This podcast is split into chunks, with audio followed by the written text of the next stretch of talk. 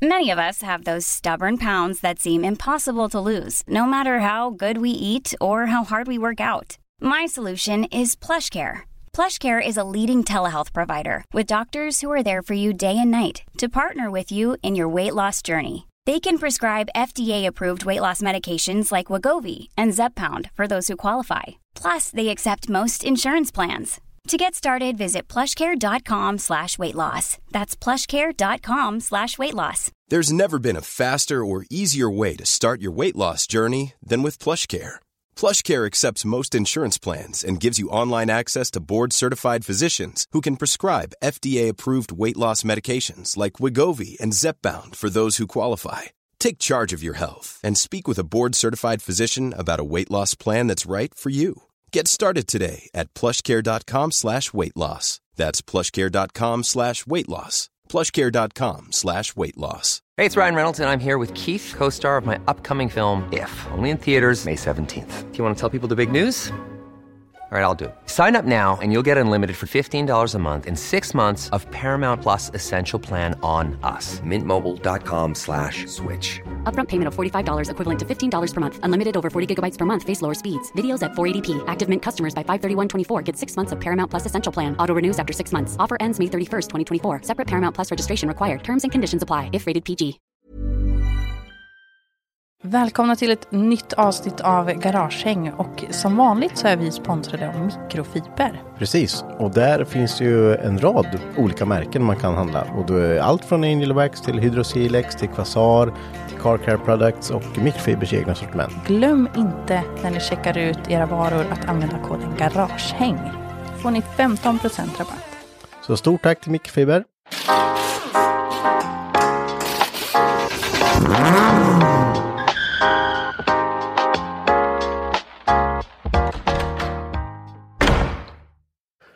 Så, Är vi, är vi igång nu? mm, är vi. Ja, nu kör vi. Eh, vänta lite, nu kör vi. Ja, nu, exakt nu. Ja, det är väldigt viktigt att jag får bestämma när vi ska köra. så du kan, så du, det, det är du som klipper sen, så att det ja, ja, så är det ju. inte för att vi klipper någonting. Nej, Nej. vi försöker ibland. Ja. Vi fick lite påbackning där att, eh, att vi har lite för mycket hostningar med. Jaså, Ja, det var någon som skrev. oj då. Ja. idag så är det ju jag och som, ehm, som jag blivit fint eh, benämnd av eh, tidningen Bilsport. Mark, Marcus Mantorp Stenmark. Ja. Och sen så är du med då Henrik. Som Mm. Henrik i Mantorp. Ja. Som blivit benämnd på Facebook. Det var skönt att de skildrade dem till att det är i och att det vart ett namn på, alltså ja. Ja, precis. Jag är han som bor där. Och du är han som fick det mellannamn. Jag vet inte vad som Ja. hände. Sen har jag även i Bilsport blivit kallad för Mantorpmannen. Det är också väldigt otacksamt namn. Ja, det, det kan ju vara lite mer eh, snuskigt tänker jag. Ja, Jag tänker, jag tänker mer så här, du vet, Hagamannen och du vet, Ja, så här, ja. liksom mördare liksom. Ja, men, ja det kan ju. Ja, Ja. du är ju, har ju lite sån tendens i och för sig ibland. Men vi har med oss gäster idag. Har vi? Vi har med oss Johan Driftkungen Andersson. Ja, tack så mycket. Ja, det var ändå ett bra mellannamn. Ja, vad snällt. Ja. Och sen så är vi med oss eh, Max Fingret Lundgren. Var kommer allt det här ifrån? Nej, vi, vi, vi släpper det. Nej. Men välkomna hit. Tack så mycket, tack. Fingret? Ja, nej, vi Jaha, släpper det. nu, nu, nu kopplar jag den. alltså fy fan. Kul att vara här. Och Kasta micken och går liksom. ja, vi ska snacka lite om dig idag Johan. Yes. Lite, ja, man kan säga att avsnittet kommer att handla om drifting idag. Ganska ja, så du- du- exklusivt. Ja, det känns lite sådär. Det Ja. känns att vi ligger på den eh, nivån idag. Och det är ju ett ämne som du är väldigt dålig på. Ja, jag är svindålig på det. Så jag tänker att du, du får ställa de här frågorna åt lyssnarna som kanske inte kan så jättemycket om Varför drifting. vi la inte ut någon enkät den här gången? Nej, precis. Så du, du får bomba med frågor. Vill, Ja, ja, ja. Jag håller bara, du sitter och pillar det. lite Ja, ditt pillar lite här. För jag vill bara se varför det lyser rött här. För. som, okej. Så fortsätt du, det är lugnt. Ja, okej. Så, warning, will Ja. explode. Ja, nej det är lugnt. Så. Ja, kul. Ja, men ja, jag är svindålig på, på sånt. Jag, Mm. jag är bara här. Mm. Jag, Och jag, jag är inte jätteduktig heller. Men det är därför vi faktiskt är med oss Max. Som är väldigt duktig på drifting. Nej, nu tog vi lite väl mycket här känner jag. Nu är det väl Johan som är med, för han är duktig på drifting. Ja, Ja, han är duktig på att köra drifting. Ja, exakt. Det är Han är, han är Ja. extremt duktig på att Vi köra har drifting. lite teori och lite praktisk, en praktiker och en teoretiker. Då, där. Ja, exakt. Ja. ja, ja, det är bra. Det är en Ja, det bra är nog en bra beskrivning. Ja. jag. men det är lite som vi, vi har i, i driftingserien. Vi har en expertkommentator med oss. Ja, Och men det är det, ju Max. det kan man. Ja, men vem är kommentator då? Ja, det är ju jag och Henke här i det här fallet. Ja, Eller okej. jag kan ju vara det då, sen så är Henke då publiken som... Det är dåliga som inte fattar någonting. Jag står borta i hörnet. Nej, det kan var vi bara tillägga att vi håsar upp mina kompetenser i drifting alldeles för mycket här i början. Det kommer alla tro att det här, det här blir bra. Ja, nej, vi, ska, vi, ska, vi ska prata lite om dig Johan ett tag. Yes. Du, du har ju kört drifting i många år. Ja, det har blivit eh, rätt många faktiskt. Och då börjar vi, vi, vi drar tillbaka det ganska långt tillbaka. Vi, hur kommer, hur, hur har du fått ditt bilintresse? Oj, jag tror faktiskt jag eh, föddes med bilintresset. I alla fall motorintresset för eh, farsan har eh, kört folkrace sedan jag var liten. Jag tror jag var typ tre veckor när jag var på min första folkracetävling. Eh, så då typ växte jag väl upp med lite grus i ansiktet och i lungorna. Och sen när jag vart eh, 15 då var det faktiskt dags för mig att ja, få köra folkrace då. Gick i fotspåren lite. Härligt. Och fun fact är ju att jag har ju skruvat på din folkracebil. Ja, visst har du det? Ja, det är är lite sjukt. Jag har ju praktiserat på din, eh, din pappas verkstad. Ja, det har du. Och det vi fick göra då på praktiken, det var det bästa praktikplatsen jag haft för övrigt. Det var skitbra. Ja, Va? Ja, jo. eh, Och, Har du varit ute praktik? Ja, alla får ju gå där. Om, om man går i skolan, då får man ju, har man vissa ja. veckor. Men det här var när du gick fordon alltså? Ja, det här är ju många år sedan. Ja, det här är innan jag började fordon. Jaha. Man hade ju praktik i nian. Oj. Ja, då är det länge sedan. Ja, det var jävla lyxpraktik. Ja, det är typ, typ 15 år sedan. Ja, det är det. Ganska säkert. Ja, Kä- fy- Kände, du- kände du vad bra det där kände? Ja, det är 15 år sedan. Det var svinbra för där fick vi koppla in ljud i eran buss och grejer också. Ja, just den där. Ja, Mecka i ja, stol och grejer i din folkracebil. Precis, precis.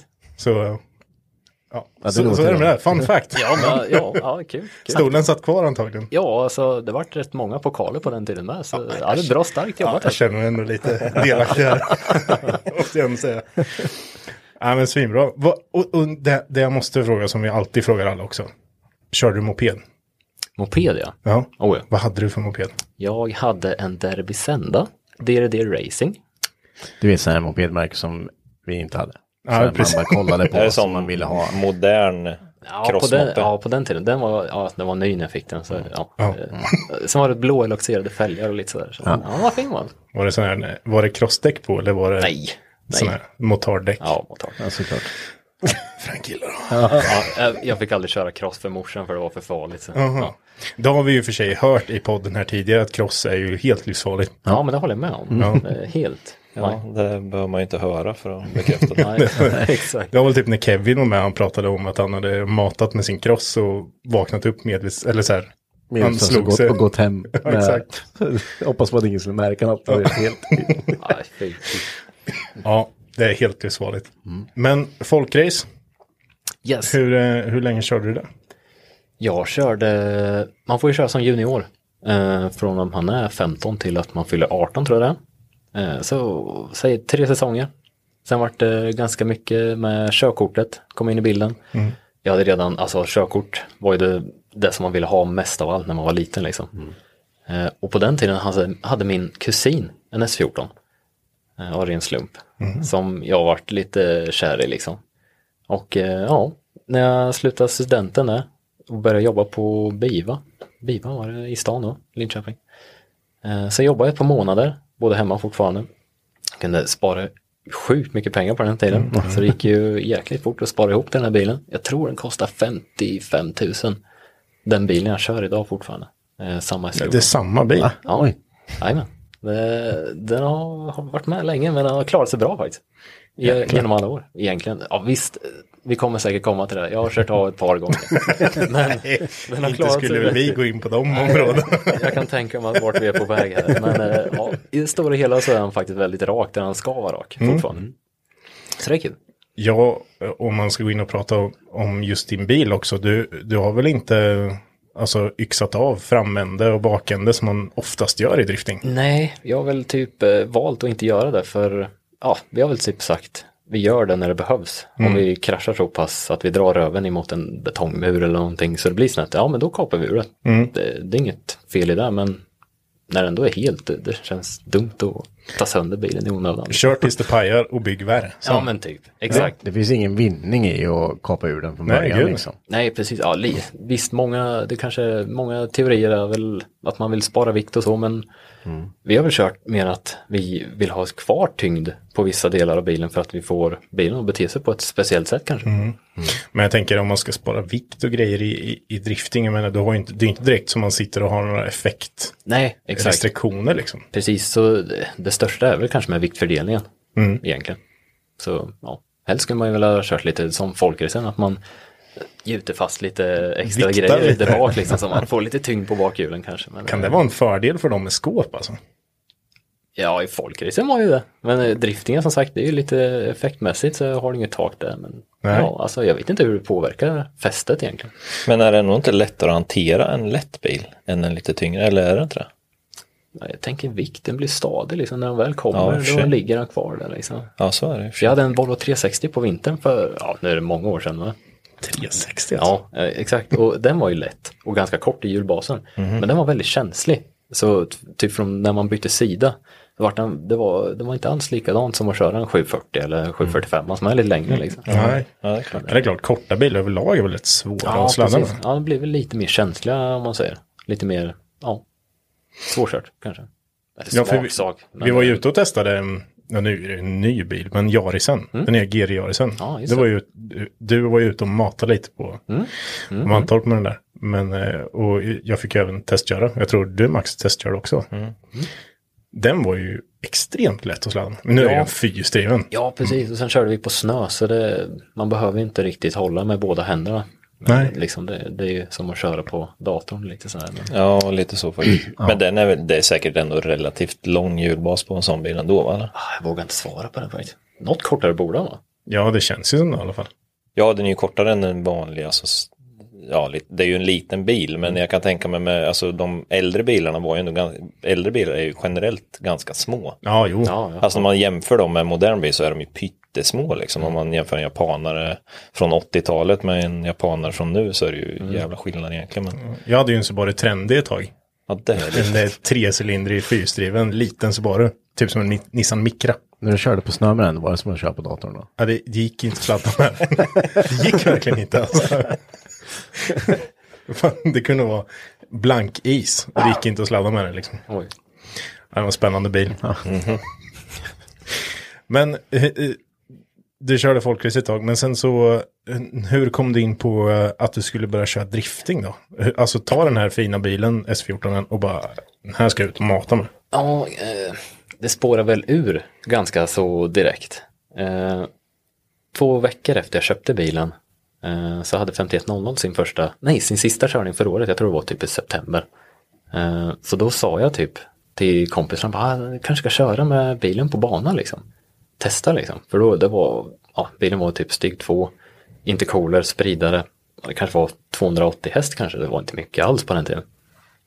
Men jag tänkte, ja, det går ju att köra på gatan så det måste ju gå att köra på banan med liksom. Och egentligen ska man ju sträva efter att köra på bana. Alltså köra på gatan, visst, man kanske måste börja någonstans men det är kanske inte är där man vill hålla på i långa loppet för dels alla risker med sig själv och sen kan man skada andra med liksom. Mm så jag sa till grabbarna liksom, ja men fan jag ska testa liksom, se hur det går.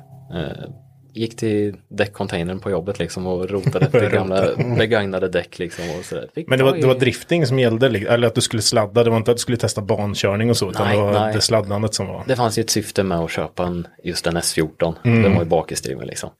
Eh, Jag vet redan när jag gick i sjuan, åttan, kanske nian, jag kommer inte ihåg vilket år det var i, i skolan, att jag gjorde faktiskt ett arbete angående drifting, som sport om man säger.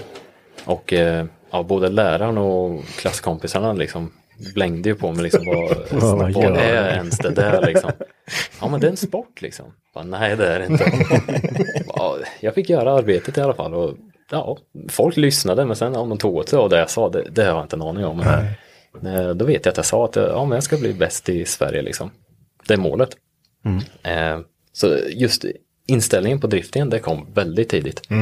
Eh, Det kom väl typ, ja, som sagt man satt på datorn hemma och såg lite klipp. Det var en eh, gul, gul Supra på någon japansk bana, ett så här klassiskt klipp. Han kom till högsta växeln, bara plyma rök liksom. Det var ju det ballaste som jag hade sett liksom. Eh, Så efter det, man vart biten liksom och sen, ja, när jag väl hade S14 då var det bara att börja öva liksom. Men det var ut på banan direkt. Det var inte så här typ sladdgård eller... Nej, för som sagt det var inte så många event just eh, på den tiden så det, fall, det föll sig ganska naturligt att eh, jag stoppade fan i sportstol innan. Vilken tid snackar vi? Är det 2012? Ja, eller? 2011 borde det 2011? varit. Ja, 11 tror jag. 11 som sagt. Eh, stoppa i sportstol på förarsidan eh, till mig. Eh, och sen åkte vi ut helt enkelt. Jag vet farsan, han har med sig någon gammal videokamera sen, som han typ har på axeln. Står och filmar. US-band i. Ja men typ. Jag vet det, det, jag har klippet på datorn, det är så jävla roligt för då hör man liksom. Jag håller stumt med den där bilen från initieringen på Mantorp hela vägen runt i Parisen och får den att funka. Det, för jag, målet, jag hade inget mål egentligen med körningen den dagen. Men när, sen när jag kunde länka första vänstern på Mantorp till ner till Paris, det var ju ascoolt. Jag har aldrig sladdat så fort eller någonting men det gick liksom varv på varv likadant och till slut så hade jag ju hållit sladd från första kurvan ner till ja, Dunlopdäcket om man säger. Då vet jag att eh, typ efter ett par set och farsan stod där och filmade. Ja, då var det någon gubbe som stod bredvid. Ja, då sa han liksom, ah, han säger att den är lite slö.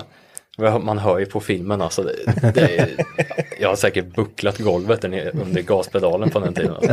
Eh, Jag fick det att funka i alla fall. Ja, det, det, var, det var svinkul och redan då jag var i biten liksom. Det, jag kände direkt att det här är något vi ska satsa på. Men hängde du något på typ gatubil och sånt där innan eller? Ja, jag vet faktiskt att jag och en kompis, Hampus eh, Danneblad eh, från Malmslätt, vi åkte ut, jag tror det var, det måste ha varit det första gatubil som hölls på Mantorp. 2007. 2007 som sagt. Vi fick skjuts av våra föräldrar så vi hade ju varken moppe eller cykel var ju för långt liksom. Men jag tror fan, jag vet inte om jag missat något gatubil ärligt talat i Sverige.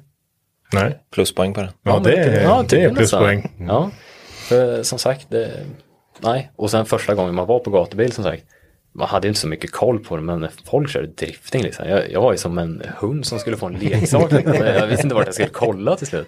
Ja, det var skitkul. Vad var det han hette som hade den eh, M5an då? Det var ju, han var ju typ den enda som kunde länka hela Parisen då. Ja, han eh, Norrmannen. Vidar Strand eller? Ja, Strand var det Ja. ja. För det var ju, de sa ju att han hade tusen hästar. Exakt. Jag vet inte om han hade det. Ja, han gick ju Men... sjukt bra på Ja, den tiden. ja, fy fan. Ja, det var ju helt brutalt. Alltså. Jag, kommer, jag jobbade som funktionär 2008 på gatubil. Och där hade jag bara jobbat som funktionär på STCC innan. Mm. Och det var ju en upplevelse att jobba gatubil. Ja, det var ju fränt. Det var Alltså. sjukt mycket roligare. Ja, ja. så är det. Vilka var det som kör? Vilka var lite så här fixstjärnor 2011? Var det Halvarsson? eller? Ja, eh, när jag började så hade jag faktiskt Halvarsson lite som förebild. Ja. Eh, för han hade kört redan många år, som sagt innan jag hade körkort och allt. Och vi var på Mantorp, eh, han körde för J-Spec Drift Precis. Liksom. precis. Eh, Men vilka, hans- vilka var det mer? Oj, Ah, på rak arm. Jag kommer fan knappt ihåg. Dennis Martinsson körde Ja, sin Merca den ni tid. körde ju då ja. Precis. Men sen var det inte många som var riktigt, eh, inte seriösa kanske, men som hade det tempot som de hade. Nej, precis. För det var Halvarsson som sagt som sträckte ut sig redan då att ja, det såg ut som han hade verkligen koll på grejerna. Mm. Precis. Radio Power hade väl ett gäng där Ja, med exakt, Tokan och... Limit körde han eller? Ja, han måste ju köra Ja, han, det var Det stämmer. nog... Han hade nog... Det var nog i början där tror jag. Mm. För hans del va? Micke Svensson. Ja, Svensson körde. Ja, ju. just det. Just det. Han har väl hållit på längst misstänker jag. Ja, det var det. Men det var ju inte jättemånga då. Det är ju inte som nu liksom. Nu kan man ju rabbla upp Ja, men exakt. hur många driftingförare som helst. Sjukt alltså. Sjukt. Ja, det har hänt en del alltså. Ja, den växer ju extremt snabbt sporten och det känns som att den börjar bli mer och mer, vad ska man säga, legitim också. Ja, men precis. Folk vet vad det är när man nämner. Förr var det liksom varenda säsong så fick man förklara för dem på jobbet vad man höll på med. Mm. Nu, nu liksom, ja hur går det liksom? Folk är lite mer intresserade. Så. Mm. Vad körde du på för däck? Då, Ja, 2000, eh, nej, ja, innan jag började köra på tävling, då var det som sagt, det var ju typ 17 tummare från containern. hur breda då? 2,25. Ja, det, det var ju det man kom. Ja. Runt 2,25. 17 tum. Gammalt. Torrt. Det var ju Det var ju ashalt liksom. Man visste inte bättre då. Men eh, i dagsläget när man har lite kött på benen så nya däck som har mer fäste är ju lättare att köra på för du känner av bilen på ett helt annat sätt. Mm. För Köra på gamla slitna däck, det, man vet inte vart man hamnar. Nej. Det är som en fiskpinne i en stekpanna liksom. Det, Du vet inte hur långt du kommer glida eller hur, hur länge de håller eller någonting. Nej. Men handlar det mycket om att få bilen att gå loss liksom i början där när inte alla hade så mycket effekt? Var det därför de körde på smala, torra, gamla däck? Alltså med att Ja, la man på för breda så orkar inte bilen. Ja, men precis. För på, på den tiden var det ju inte många som hade de här stora siffrorna på Nej, för effekt fan. heller för den delen. Men ja, som sagt, jag körde på de däcken jag kom över helt enkelt. Ja, det är, väl, det är väl där alla börjar på något sätt också. Ja, exakt. Jag vet, vi har ju några ibland som kommer och kör lite uppe i depån hos oss. Och där får man ju lite så här vibbar tillbaka hur det var, många körde förr. Att man, Mm. För att där liksom, de, det är ju några grabbar som hyr och sen så har de Mm. bilar som inte jättemycket effekt och sen så eldar de runt där med, Ja. med däck som de har fått liksom. Och det, det är, Det är något eh, härligt med den. ja men platta Ja, matta och det är så här, Mm. Ja, alltså, jag kommer ihåg som sagt när man eh, körde det på, som sagt jag köpte bilen 2011. Sen 2012 så var fortfarande Action Meet eh, ganska hett. Och då vet jag att eh, Sladdgården, eh, jag har fortfarande filmer i huvudet. Eh, Sladdgården ser ju exakt likadan ut i år som man gjorde för ja, tio år sedan. Ja, den Och det är ändå lik. där man har lärt sig mycket av grunderna man har idag. Och det är ju så jävla roligt att se för folk börjar i sladdgården, så kommer de ut i stora banan och liksom man, man, man blir bättre, ju mer man kör ju, ju bättre blir man. Det är ju sätestid man liksom ska mm, prioritera helt enkelt. Det måste jag, som- jag måste berätta en kort story där om sladdgården bara. När vi, vi nämnde Dennis Martinsson innan som vi har lite gemensamt med allihop. Han var vi skulle bygga en Gymkhana-bana där sista året på Action Mate tror jag det var. När vi körde drifting. Då skulle vi köra Gymkhana och så kontaktade jag Dennis frågade, kan inte du komma och provköra banan om vi har byggt den rätt? Och det var så här någon box han skulle in och sladda runt i och det var alltså en ganska avancerad bana. Tänkte så här, ja men kör någon testrunda så filmar vi det här liksom så här. Han bara satte den klockrent på första repan liksom. Alltså det var, vi bara, eh, okej, ja men vi är färdiga. Du kan åka hem igen. sätta en runda. Ja, Ja, det är en, Dennis är också en extremt ja det är duktig synd att förare. han inte håller på längre. Ja, det är det faktiskt. Det var krossen som tog över istället. Ja, lustigt nog alltså. Ja, Man verkar vara duktig på det med. ja jo. Det känns som han är duktig på det mesta där. Som man... Vinnarskalle där med kanske. Ja, det är väl så kanske. Men äh, hur, eh, hur kom du in på, för du började köra lite, testade bilen och sladda lite, det funkar bra. Hur kommer det sig att du bestämde dig att "Ja, men jag ska, det här ska jag fan börja tävla i? Alltså? Ja, eh, det fanns ju inte som sagt inte så många frikörningsevent på den tiden. Och eh, 2012 så fanns det ju inte drifting SM. SM hade inte kommit till ja, driftingen i Sverige ändå. Nej, det kom nog 13 då. Ja, så då fanns det något som hette Proint. Eh, och eh, den undre klassen hette, Modified. Eh, och jag hade fortfarande ingen bur i min bil då så ja, på något sätt så snappade jag väl upp att ja, de ska köra någon serie liksom. Och tävlingarna var inte så jävla långt bort utan det var någon, den första i Malmby tror jag. Och den missade vi för vi höll på att renovera motorn, stackars SR20. Det var alltid någonting varje år. Jag saknar motorn egentligen idag men det. Som sagt, missade första deltävlingen 2012. Eh, andra deltävlingen var på Gröndal.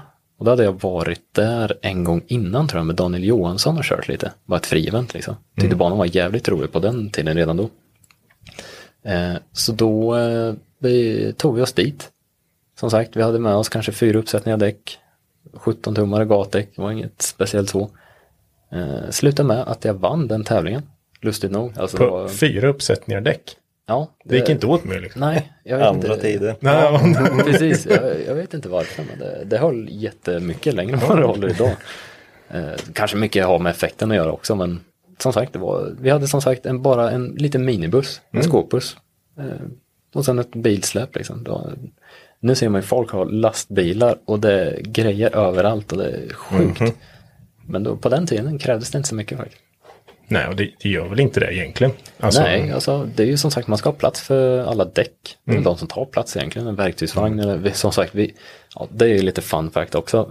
Genom alla tider, innan vi slogs ihop med Ville och vi kör tillsammans med honom nu så den enda verktygsmässiga eh, verktyget, alltså det som vi hade med oss, det är en sån röd verktygslåda från Biltema. Som vi Alltså hade med plast oss. liksom. Ja, med gröna plastmejslar och sånt där. Samma verktygslåda som vi hade när vi körde folkrace. Den har vi tagit över, eller tog vi med oss liksom till driftingen. Det var blocknycklar i tum, alltså det var ingenting som funkade. Men det gick aldrig sönder på tävling heller så vi slapp ju liksom att skruva så det var ju bara ren tur egentligen att det höll. Men det, ja, som sagt man klarar sig på det lilla med kanske. Ja, jo, det Ja, alltså jag tänker så här, kör man ganska skottsäkert också? Eller alltså så skottsäkert men att man kanske inte öser på effekt. Ja men precis. Nej men då håller det bättre. Alltså så är det. Det finns ju tak, eh, tycker jag, vad man eh, kanske behöver i effektmässigt. Men många kanske ligger över den. Och det är då det kanske inte funkar i längden. Men det funkar ett tag. Ja, så är det. Och sen så eh, tror jag eh, lite att det är ett vinnande koncept som du pratar om här, att du har haft samma bil Ja, exakt. genom alla år. Precis, vi har ju bara utvecklat bilen med det som behövs till nästa år om man säger. Och nu, nu känner jag nästan att bilen är, nu, nu är det rock'n'roll liksom med säcklåda, det är mycket effekt, fäste, alltså bakvagn, framvagn, viktfördelning som sagt. eh, Bilen gör precis det jag vill varje varv och det känns som det är liksom en vinnande väg att gå egentligen. Alltså skulle jag byta ett chassi, jag hade inte känt att jag hade varit mogen och kanske kört i Europa första säsongen för att jag vet inte hur det här fungerar. Och liksom, Nej, det- så där, jag är lite mer, man vill vara etablerad och ha lite kött på benen och veta vad som händer och allt sånt där. Ja, Men, du kan ju bilen utan till. ja exakt. Känns så- ju jätteonödigt att bara... Ja men typ, som sagt, vi har, ju- inte kraschat bilen riktigt så hårt som man börjar ens, ens tänka tanken på att byta bilen.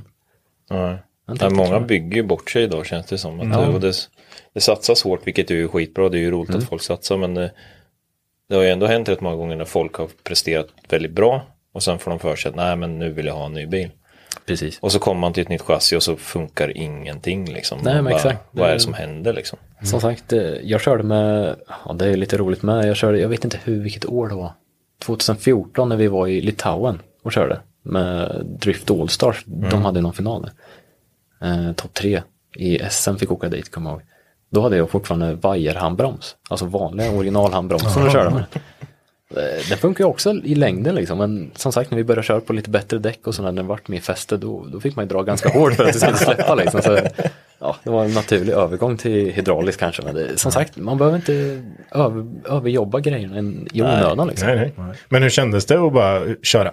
Typ egentligen första deltävling du är inne och kör och bara plockar hem vinsten liksom. Hur, Ja, jag vet inte, det känns fortfarande overkligt att det gick så pass bra redan då. Men som sagt, jag trivdes med bilen redan från början och ja, det var sjukt kul i alla fall. Kul att köra. Jag är ju sån jävla vinnarskalle, det vet ju de som känner mig. Alltså, köra Asså? ett fri... köra ett frievent på Mantorp, det är, alltså oavsett sätestid är skitkul. Men just att kunna träna på en bana med zoner, det är ju tio gånger roligare när du har någonting att satsa på liksom. Kanske till och med följa någon, alltså twin-träning, det, det, är där, det är då det börjar bli roligt. Köra frikörning, det kan alla. Typ. Alltså det är inget svårt. Hur mycket nytta hade av folkracen tror du när du började köra drifting? Ja men det var nog en hel del. Ja det känns som ändå folkrace är ändå ett jävligt bra sätt att börja lära sig köra bil Ja, precis. i lite Man- mer fart Exakt. och lite Hantera kontroll. lite sladd och liksom ja, tävlingsmoment, liksom vinnarskallen kanske föddes redan där, jag vet inte. Men, Mm. ja, det var- nog bra faktiskt. Det skulle tro. hur gick det resterande av den första säsongen då? För det var två deltävlingar till eller? Ja, vi var nog uppe i Tierp och körde bland annat och sen var finalen på Mantorp det året. Det regnade på Mantorp. Ja det var det nog. Men eh, i och med att vi missade första deltävlingen så kom jag nog trea i den serien. Om jag inte minns helt fel. Så det var lite synd. Men eh, Det är ja, fortfarande, men var det Pro-Int eller var det Modified? modified. Ja just det. För de i Pro-Int fick ju köra Twin och de var ju tvungna att bur. Ja just det. Så det hade vi inte i- riktigt än. Så Modified är egentligen gatbilar eller? Ja, i stort det är det. Och det är ju liknande fortfarande. Det finns ju fortfarande kvar Mm. den klassen. Och det är ju, ja, det är ju, du ska ju kunna köra med en gatbil. Ja just det. Precis. Du får ha bur om man vill men Men det är ändå kul att plocka hem. Alltså Ja. komma på pallplats på Ja men första precis, gången. det, det var ju precis så som jag hade tänkt mig att det skulle vara att köra. Det var ju liksom det roligaste jag gjort i hela mitt liv. Så, ja, blodad tand, det måste jag säga. Och då bara satsa järnet inför 2013 då. Ja, farsan och jag hade väl en liten diskussion på höstkanten om det, eller på vintern. Och då, jag, sa, jag vet att vi var på hans verkstad och då sa jag liksom, ah, fan jag tror jag ska köra SM nästa år. För det var 2013 som SM-tecknet kom till driftingen här i Sverige. Så bara, vad fan säger du? sa han. Jag bara, ja men Alltså, för då hade vi fått lite goda ord från bedömarna redan året innan. Ja, fan, du borde kunna ta steget upp till stora grabbarna liksom. Bara, du måste ha lite mer effekt och så här. Det vart en sporre för mig liksom. Så jag gick och tänkte på det och så sa jag det till farsan. Bara, liksom, vi är ju på samma tävlingar. För då skulle R, eller, ja, RM och SM gå på samma deltävling, eller ja, ställen. Ja, precis. Så då kan vi lika gärna köra med de stora grabbarna, för det lär vi oss mer på, sa jag. Och då sa man, "Ja, är du riktigt säker på det liksom? Sådär. Ja, men ja, det, vad, vad har vi att förlora liksom? Eh, ja. Som sagt så började vi sätta in bur i bilen, för det var ju det största som Ja, det största jobbet som skilde Modified och Pro-In på den tiden. Så jag tror vi inte gjorde mycket mer med motorn egentligen. Kanske skruva upp effekten någonting. Så var mycket. eh, SR20 i 2013 också? Ja, alltså en SR20. Fyrcylindrig. Två liters maskin. Yes. Bra Marcus. Ja, tack. Precis. Så som sagt, det, gamla SR20, det var vassa kammar. Ja, smidbotten var ju, den var preppad så. alltså. Men i dagsläget, eh, jag körde på bensin, lågt komp. Alltså jag hade byggt den helt annorlunda i år. Alltså om jag fick bygga en ny SR20 nu. För det var ju liksom, du hade effekt vid typ 6000 varv till 7 och 5. Det, det, var, det var svårkört alltså. Men Det låter som att köra vankel. Ja men ungefär, alltså, man fick det att funka. Halvarsson redan då körde ju två i Z och det var många som körde V8 liksom. I starterna alltså. Jag kommer ihåg Limmet, vi, var ju lite förbannade på Limmet på den tiden för han hade ju kört dragracing från början. Och han var så jävla startsnabb. och en annan liksom var satt som en jävla, ja satan var, man fick vara med liksom hela tiden. Men som sagt, vi fick det att funka. Ja, Hur känns det att börja köra, alltså gå in, för då började du köra SM då, Ja, 2013. precis. Yes. Eh, Hur var det att gå in i det och börja så här, för då måste du ju börja köra Twin, alltså Ja, mot varandra också. Precis, och det hade man inte gjort, i alla fall inte jag tidigare. Eh, kanske bara någon gång, eh, som sagt, vi åkte med, ja, ja, inte mycket alls egentligen. Och första deltävlingen gick i Karlskoga, kommer jag ihåg, på min mammas födelsedag. 18 maj. Eh, och eh, ja, jag var sjukt nervös. Det, just sitta i samma förarmöte med de stora grabbarna som sagt och jag visste inte riktigt vad man hade gett in sig på riktigt. Så kanske hade tagit mig lite vatten över huvudet. Man, du vet, man börjar tänka sig. Sen när vi började köra, det, det flöt på. Och sen vet jag, just det, var i den tävlingen som vi, vi hade satt dit en sån här quick snap-off eh, nav till ratten. Eh, det hade jag inte kört med tidigare. För det hade ju alla de coola grabbarna som man kunde ta ut. Det skulle ju klart man skulle ha. Måste hänga upp ratten liksom. Exakt. Precis. Det är helt Och- omöjligt att ta sig ut annars. Ja, precis. Om man är lite överviktig eller har lite svårt. så- Ja. Men då kommer jag ihåg i alla fall, för vi får ju två kvalåk. Och eh, vi kom till kvalet på den dagen och första kvalåket så i och med det rattnavet så kom ratten ganska nära min kropp. Och eh, på första kvalrundan där så vid en överläggning så drog jag armbågen i eh, buren när jag höll i ratten. Så då tappade jag ratten. Och då rätade jag. Så då fick jag noll poäng i mitt första kval i SM. Det satte gallrer i huvudet på mig. säga. jag var så jäkla nervös. Jag tänkte liksom fan det var så jävla onödigt. Men då så tänkte jag på det här andra rundan liksom att jag inte skulle hålla armarna nära buren överhuvudtaget. Och då gick det bättre. Ja, det var kanske inte ett skitbra åk. Jag kommer inte riktigt ihåg men vi kvalade in i alla fall. Och då var vi fortfarande med liksom. Och det vart en, var det så många så det vart en 32 steg då? Eller var Nej. det 16 steg på den Nej, tiden? det kan inte vara ett va? Nej, det var, det var många år senare. Vi gjorde, vi, så, nu ska vi se, 2015 kanske var första 32-stegen på just Karlskoga. Okej. Eh, så annars var det bara topp 16. Och det var nog knappt topp 16 nästan. Ja, det var många luckor för, Ja. som sagt. Fyra byruns. Och folk kunde inte räkna stegar på den tiden heller, så det var, det var alltid ett eh, mummel i... Ja, det var mycket utmaningar att arrangera drifting i början. Där. Så är det ju alltså. Ja, vad kul. Ja, det är lite tufft om arrangören själv inte vet hur man ska arrangera. Ja, men det är som sagt, alla är nya i början. Så är det ju verkligen. Men ehm, ja, hur gick eh, 2013 då? 2013 gick eh, väldigt bra faktiskt, måste jag säga. Som sagt, första året i SM. Vi visste inte riktigt vad vi gav oss in på. Men likadant där, så i Karlskoga så vann vi den tävlingen. Mot just eh, min förebild på den tiden, Johan Halvarsson. Okej, Eh, så det, det måste ju varit rätt. ja, det var sjukt. Det var, han körde faktiskt av lite, han gjorde någon dirt drop i både sin lead och chase tror jag. Kanske försökte köra ifrån mig lite, jag vet inte. Men som sagt, det, det var inga bra åk. Alltså när man ser tillbaka på det, man, i chasen, det var ju billängder emellan bilarna. Och hans bil var betydligt snabbare än min bil var på den tiden också. Så det var, det var inte snyggt att se på men jag kanske gjorde mindre misstag liksom och Mm. vann på det. Sen var det igång. Sen kommer jag inte ihåg riktigt deltävlingarna i rad men ja, det var ju många pallplatser redan då på det året. Hur gick det i serien då första året? Vi vann faktiskt SM Så det- 2013. Första serien du kör, Okej, första start. Hyfsat okej, så alltså första, första gången du det- kör SM går du och plockar SM-titeln. Ja, ja, det är Ja, lite overkligt. Och på den tiden var jag lite mer en underdog om man säger. Och det är där jag vill vara. Det där, där är min comfort zone. Men ända sedan 2013. Ja, det har ju skitit sig rätt Det har ju skitit sig. Jag har ju varit main target för alla. Och liksom fått försvara. Jag som, som en gammal boxare som håller upp sina eh, handskar så här, I år efter år. Alltså, man blir trött efter ett tag. Det, det har speglat sig för de sista tävlingarna. Det har fan inte gått lika bra. Alltså. Nej, det kanske är så. Pressen. Ja, press. Ja, som sagt, när jag började tävla, alltså Dennis eh, som är speaker även i år, han var ju speaker redan då. Och jag, har, jag vet att vi har snackat om det här typ senare åren nu, att 2013, när han kom med en mick i depån, jag vände och gick. Alltså, jag ville inte se honom med micken, för jag ville inte ens prata med honom i micken. Nu är det skillnad, liksom. Det, liksom man kan prata på event i mick, som sagt, utan problem och göra intervjuer. Men på den tiden, alltså, det, man fick ju nästan gå med blöja. Jag kunde inte äta på hela dagen. Alltså det var inte, Nej. det var hårt var det. Ja, men, det, men det märks ju, det märks ju, du har ju utvecklats, alltså vi som ser dig utifrån så att säga.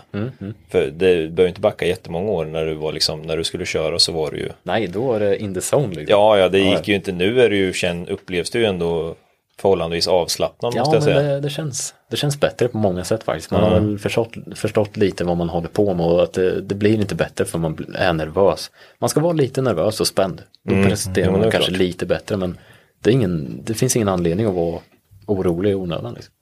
Nej, så är det och, eh, och prata i mick är ju inte jättefarligt. Nej, men på något sätt så just då var det liksom, jag vill bara fokusera på körningen. Eh, så vill jag inte se någon mick överhuvudtaget. Kanske vid priset pallen, kanske säga hej typ. Ja. Men nu, nu, nu är det annat som sagt. Hur gick körningen? Nej. Ja, det är bra. Prata i mick är inte jättefarligt står han och säger. Det var väl inte så länge sedan. Vi stod och hoppade lite där Vad pratar du på om? samma driftmeet där när vi skulle prata lite. Ja, ja, det är faktiskt väldigt, det, det, är, det är faktiskt väldigt, väldigt I jobbigt. den nya karriären. Ja, Ja, seriöst. Ja men det är, det, är, det är en helt annan grej. Många sa det bara, men ni pratar ju mick varenda vecka liksom. Men det blir inte samma sak där alltså. Nej. Nej, för då är det så här, han sitter bredvid mig och hör exakt vad jag säger. Ja, men så exakt. folk vänder sig om liksom bara, Precis. ja, exakt. fasen. Ja, det, det är en helt annan grej, det kan jag förstå. ja det är Så det. är det faktiskt. Så 2013 SM-vinst, bara gött. 2014, vad hände då? Eh, ja, det gick väl eh, bra. Vi satte i två i Z till det året tror jag. Det är samma block och allt som vi kör med i år. Så jag tror nästan vi borde ha något form av rekord eh, och inte skottat den här motorn på så många säsonger. Det är Alltså, helt sjukt ja. Det är, Mm. att motor och chassi bara är samma. Ja, det är precis. ju, ja det är ju, ja. Det, ja, ja, det, Har du borrat den någon gång eller? Nej, Nej. en, ja, när vi Ja. byggde den om man säger, Ja. smida grejer, men nej, inget annat. Ja. Det, är- det är stört alltså. Det Ja, var ju egentligen. bara för, ja nu är det kanske, fan vad fort tiden går. Jag säger att det är två eller tre år sedan på hösten så körde vi vid garaget lite. när säsongen var över. På inhägnat område då. Mm. På inhägnat område. Försiktigt såklart. 110 sträcka i industriområdet. Det är ganska många vägbommar där nere. Okej. Eh, hur som helst, körde skiten i bilen. bilen. Motorn kändes så jävla bra. Alltså, det gick så jävla fint liksom. Sen är vi, någon vecka senare tog vi ur motorn i bilen, tog isär den, kollade, typ, ja, vi skulle by- nej vi bytte lager, vevlager typ varannan säsong eller något sånt där. Och så farsan liksom bara, har du sett det här? Stod han vid bänken och höll på med motorn. Ja, då tog han ett överfall till veven. Det hade gått av på mitten. Vi kör ju originalöverfall på den nu. Okej. Mm. Och det är sju stycken tror jag totalt. Jag tror fyra av sju var helt av. What? Så jag tror jag har varit nära ett par gånger och skottat det. Alltså. Så det. Man är väl kanske på gränsen men. Ja, tråkigt om det hade smält där är ute och körde. Ja. Bara testa lite Ja, innan man ska ställa in den. liksom. Veven satt väl typ lite lösare än vad den brukar. Han gick väl gött liksom. Sådär. Men det, som sagt det har varit väldigt nära flera gånger. Sen vart det billigt mains då. Japp. Japp. Ja, det, nu känner man sig lite mer säker i alla fall. Eh, Man vet inte. Men har du kört egentligen varje år sedan du kom igång? Ja, mer eller mindre. Jag har inte tävlat eh, serie alla år. Jag tror 2017 tog vi lite semester och eh, 20 har vi tagit semester. Annars har det varit serietävlan hela tiden. Så 2014 då slutade vi på en andra plats i SM bakom Fredrik Sjödin. Helt okej också. Ja, men han körde på R-däck på den tiden. Han var ju den första som Jaha. tog R-däcken till Sverige. Ja, han gjorde det redan då. Ja, jag har för mig det, eller om det var 2015 för då kom jag tvåa också. Om man skulle på eh, något. Ja, men jag vet då när, då när Sjödin började köra på R-däck, det var sån sjuk skillnad. Alltså i chasen på honom, det, det gick inte att jämföra. Men vad är det för skillnad om man eh, då ska förklara vad är det för skillnad på vanliga gatdäck och R-däck? Det har ju betydligt mer fäste i ett R-däck om man säger. Dels så brukar de vara bredare än ett vanligt gatdäck. Men eh, gummiblandningen är ju bättre om man säger så. Det låter lustigt när vi kör på R-däck i drifting. Men man vill ha så mycket fäste som möjligt för att kunna få så mycket kontroll på bilen som möjligt. Eh, och som sagt, försöka hänga på en bil på R-däck med en bil på gatdäck. Det, det var svårt på den tiden. Jag ska inte säga att det var bara därför att han vann. För han vann ju, om han inte vann alla tävlingar. där. Jo, han vann, han vann alla kval, alla tävlingar. Ja, ja det, Fredde, Fredde han var ju jävligt vass på den tiden. Mm. Men då körde säga. han sin, eh, vad var det, S14? Ja, han S14. körde. Ja. Jajamän. Men sen bytte han ju till BMWn Ja, efter just det va? Just det. Ja. Och då fick ju han strul för det funkade ju inte liksom. Ja, precis. Det var jävligt synd faktiskt. Ja, han var jävligt duktig va? ja, faktiskt. Riktigt duktig. Jaha, ja, det, det är väl eh, som många andra att man kanske bygger och sen så blir det kanske lite dyrt eller någonting eller så ändrar livsförhållanden och så bygger man hus och börjar cykla eller något. Ja, livet kommer ifatt kanske. Exakt. Nej, det var synd. över. Hur är det med, alltså vid vilken gräns kan man inte, alltså effektmässigt kan man inte köra på R-däck? Neråt sett om man säger. Oj. Finns det någon sån liksom att, ja men det är ingen idé att börja köpa R-däck om jag bara har 500 häst? Nej, men det går nog. Som sagt, det finns ju smalare R-däck också. Så Ja, men jag tänker om man samtidigt ska kunna hänga med liksom, om vi tar till Ja. exempel SM. Ja, men då är det nog ett par 265 man måste upp på i alla fall. Ja, ah, svårt att säga, men det är nog runt 500. Sen, Ja, det måste vara, va? Ja, sen blir det tungjobbat för i och med att du får så mycket fäste så har du inte effekten till att dra igång hjulen igen. Om, säg att du ligger i en chase eh, och kommer in i en hårnål och leadbilen fläskar upp riktigt mycket vinkel så du börjar gå sakta. Mm. Och då kanske du måste vänsterbromsa eller göra en korrigering med handbromsen just att få fart i hjulen igen. Det är då effekten märks av. Det. Att du måste ha effekt för att ja, få hjulen att lossa liksom. och då måste man vara lite mer, betydligt mer aggressiv då, Ja. antar jag. Men det, ja, precis, det är nog det märks. Det är då det märks som mest skulle jag säga, Mm. med effekten. Alltså det är inte de långa, stora, svepande kurvorna Nej, som för då, problemet är. då har egentligen. du ofta farten uppe, dels på bilen och på hjulen. Och du kan köra ostart eh, med koppling. Men Mm. det, är så fort du måste göra ett eh, avbrott i drivlinan med handbromsen eller som sagt att det blir ett knort, det, då, då kan det krävas effekt. Fartmässigt då? Hur mycket gör effekten där? Det skulle jag inte säga gör så mycket. De Det är säger- mer tekniken. De säger ofta att egentligen vill man att däcken, bakdäcken ska gå så, vad hur, hur ska jag förklara det? Man ska få bakhjulen och börna så lite som möjligt. Ja, just det, men ändå börna liksom. Precis, Ja. man vill inte ha för mycket hastighet på bakhjulen för att Just det blir mindre fäste om man säger. Mm. Enkelt förklarat. Ehm, Så jag tror, ja, effekt, det finns nog ett tak som sagt, vad man behöver. Mm. Men eh, Hur mycket effekt har du i bilen idag? Jag har faktiskt aldrig bänkat min bil. Eh, sen 2000, ja, så jag köpte bilen som sagt har vi aldrig varit på ett par rullar. Okej. Vi har alltid kört eh, gatmappning Okej. på ett säkert sätt. Ja, Max. område under. Exakt. Eh, Men som sagt, eh, Emil Malmsten har eh, gjort ett sjukt bra jobb genom alla år egentligen. Det, som sagt, de, de timmarna folk lägger i bänkar, det lägger vi en kvart på, på gatan. Så är det klart. Ja. Senast i år, jag tror vi körde sju gånger på en raksträcka som var väldigt säker. Eh, Max? Man, man brukar tagga på TikTok och Instagram att man är i Mexiko. Ja, exakt. Ja, just det, vi, precis. vi tog bilen Ja. kanske dit. Men alltså vad är det ni gör då som gör att ni inte behöver bänka? För det är ju liksom, alla bänkar ju sina bilar känns det. Ja, alltså du får ju, när du dels bänkar en bil, du får ju, det är bättre att bänka en bil på många sätt för du kan få belastning vid olika varvtal som du inte kan få på gata. Men å andra sidan så kör vi på gata och mappar så får vi rätt förhållanden mot när vi kör på typ tävling eller vad som helst. Det har vi kommit långt på och uppenbarligen så Ja, håller det. Ja, Det ja, det verkar ju så. Ja, det är ju, ja, jag tycker det är helt galet. Ja, att ja, det det är funkar alltså. Ja, det för mig, det är... När man tänker, ja men bänken och så måste få upp effekt och sen om man ska, man ska lägga kurvor och allting. Precis. Men det bara, gatan bara, ja, men det känns bra nu. Exakt. Vi har ju byggt, byggt motorn på lite beprövade delar. Alltså på ett sätt som vi vet ska funka ungefär. Nu till i år så bytte vi ju turbospridare, grenrör, sprut och lite grejer. Så det, nu har vi betydligt mer effekt än vad vi haft tidigare. Men ja, nu spinner det på femman som att det spann på fyran förut. Så jag kan inte säga hur mycket effekt det har, men det är tillräckligt. fall. Det- Men eh, jag som är lite motornörd, om vi går igenom motorn lite, vad, vad har du gjort med, är det liksom, ja men smidda grejer såklart och lite så här, Ja, men, precis. Smidd botten, eh, CP-kolvar, igelstakar, eh, toppen, orörd i kanalen. Samma originalventiler, men BS, eh, GSC-kammar, steg 1. Så de är inte så vassa egentligen, jag tror det är typ 262 någonting. Eh, grenrör kommer från PPF nu. Eh, Turbo kör vi 72-75. Många sa att det skulle bli för stort men eh, vi hade mer register i år än vad vi har haft tidigare på min gamla GT40R. Ja. Eh, Som vi kanske har kört med för mycket laddtryck på tidigare så den kanske inte har funkat optimalt. Nej, eh, Det funkar sjukt bra i alla fall. Originalinsug. Körde med original tändspolar väldigt, väldigt länge. Eh, Men nu har vi bytt till VAG. Eh, Fyrtums intercooler.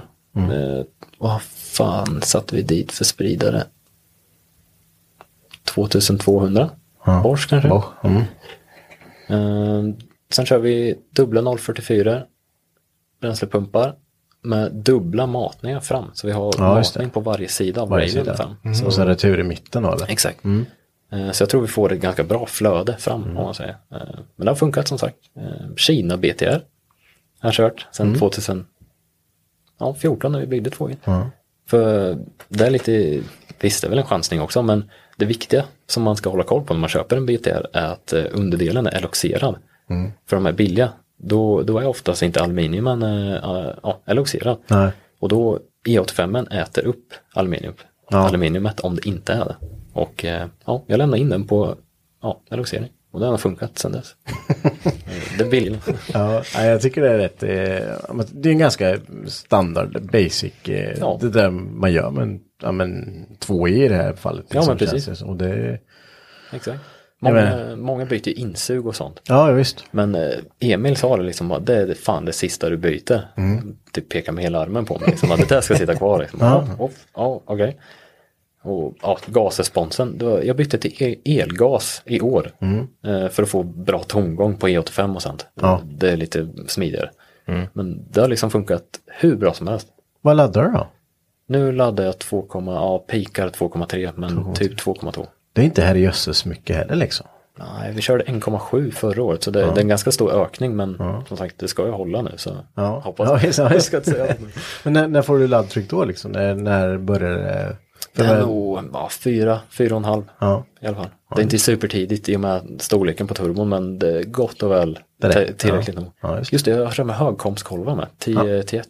Så det är Jaha, lite högre än vanligt. Ja, Okej, ja, ja, det är klart det blir lite mer respons i Ja, allting precis. också. Mm. Förr, förr i tiden så körde man med tjockare blockpackningar och det var det ena och det andra för att kunna ladda mer. Men det är så sjukt eh, ineffektivt. Du tar bort effekt för att kunna köra mer effekt på högre regi- register. Ja. Här vill man ju ha körbarhet, alltså det är ju A och O i drifting. Mm. Så som sagt, högkomstkolvar och allt sånt där hjälper ju till grunden och få mer grundeffekt. Men körde du V160 då eh, ett tag också? Ja, eller? precis, stämmer. Eh, H-låda. Eh, vi fick, ja, jag köpte motor och låda av Emil till och med tror jag. Eh, som ett paketpris. Funkar skitbra. Ja. Men sen så började, jag tror det var Pavel Korpelinski. Han började köra säcklåda i SM. Och då fick man de där grejerna i starten. Är det så? alltid Är det någon jävel som börjar. Det är alltid en trendsättare liksom. Ja. Det var Sjödin med R-däck, Pavel kom Ja. med säcklåda. Exakt, och det, då var det samma sak i starterna. Han liksom bara petade i växel på växel. Eh, Försvann liksom. Men annan satt där och siktade på växlarna liksom. Så missade man en halv liksom. Då var man, ju borta liksom. Eh, så ja, V160 den funkar skitbra. Den är gjord för att hålla för jag vet inte hur mycket Newton. Så, Nej men den är ju känd för det och det är väl därför den är så satans dyr också. Ja, exakt. Precis, nästan en halv säcklåda för en sån låda. Ja, visst. Men eh, som sagt, eh, funkar jättebra. Men med säcklådan, kommer man in i en hårnål eller vad som helst, det går lite för, för fort. ner på en växel, bara smälla ner utan problem. Ja, just det. Slippa sitta och leta växlar liksom. Det, är just, vi har ju försökt att bygga min bil så lättkörd som möjligt. Ja. Det här med handbroms till exempel. Ett tag körde vi med Formula, formelok. Så här, F1 gamla små ok alla fall.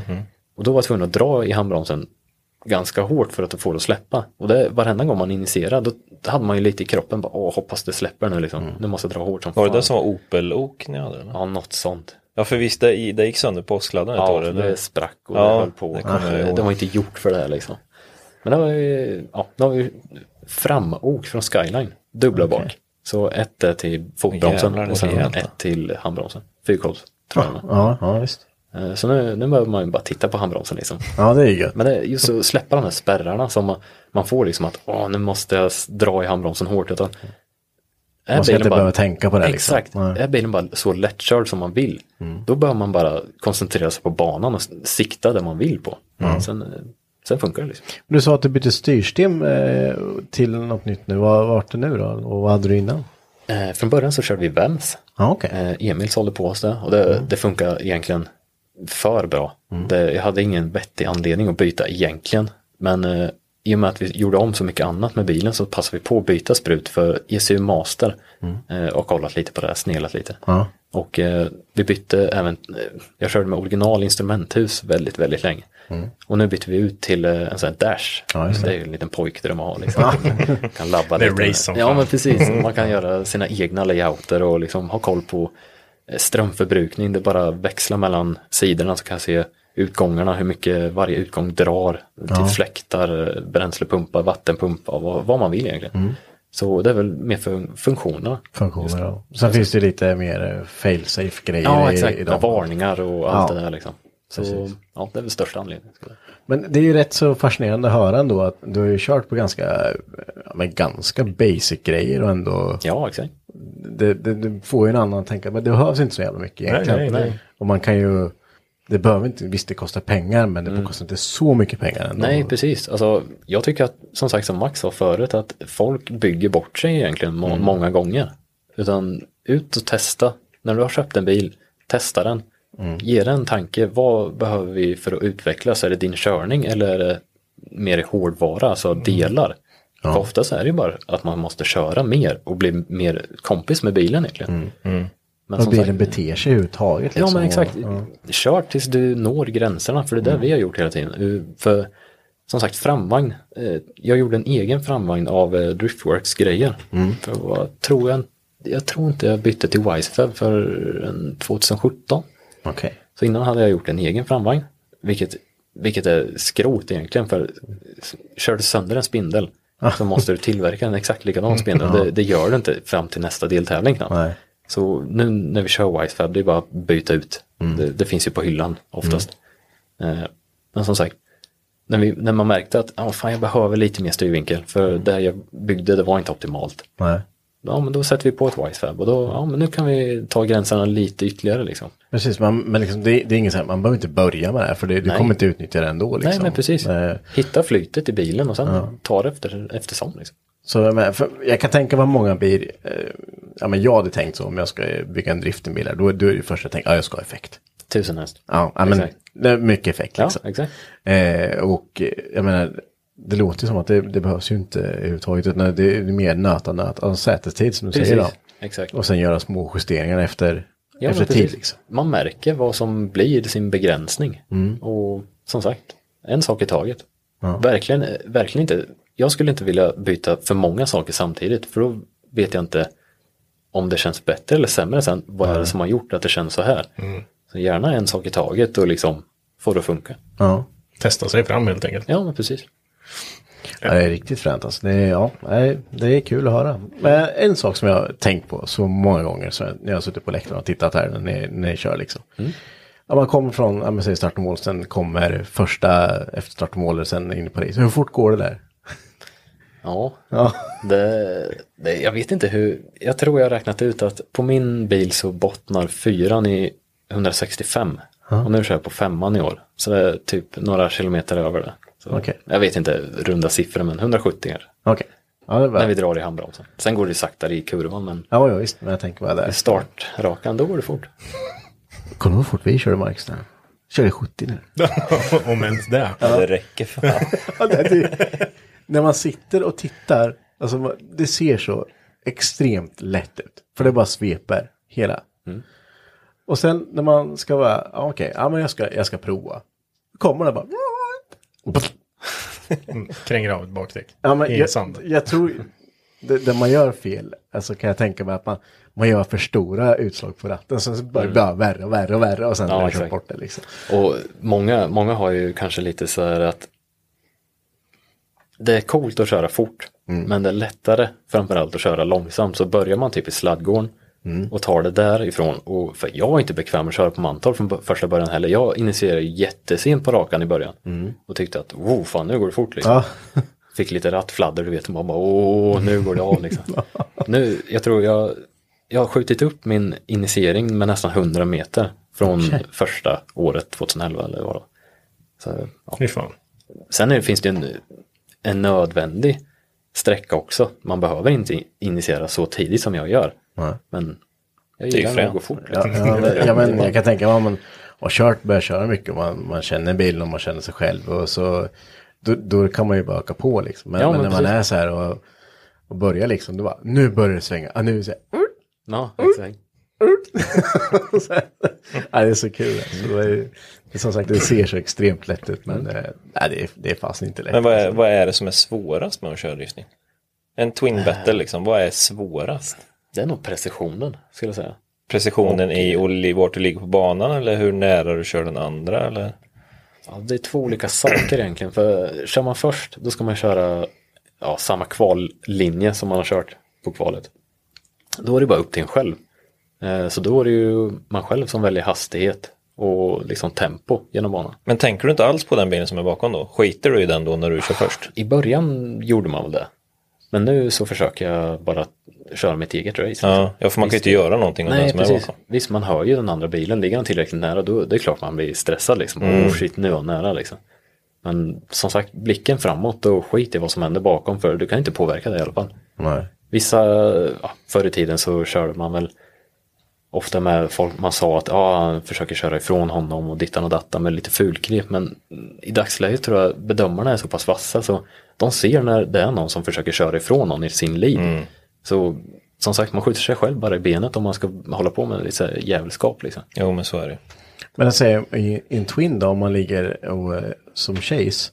Hur, hur vet, alltså du måste ju vara helt med på det. Man måste ha som fullt fokus på den bilen. Så, alltså, så att man Ja. inte bara, när, när han svänger, när, när svänger han liksom? Exakt. För som sagt, den som ligger först ska ju vara i alla de här zonerna som är utsatta.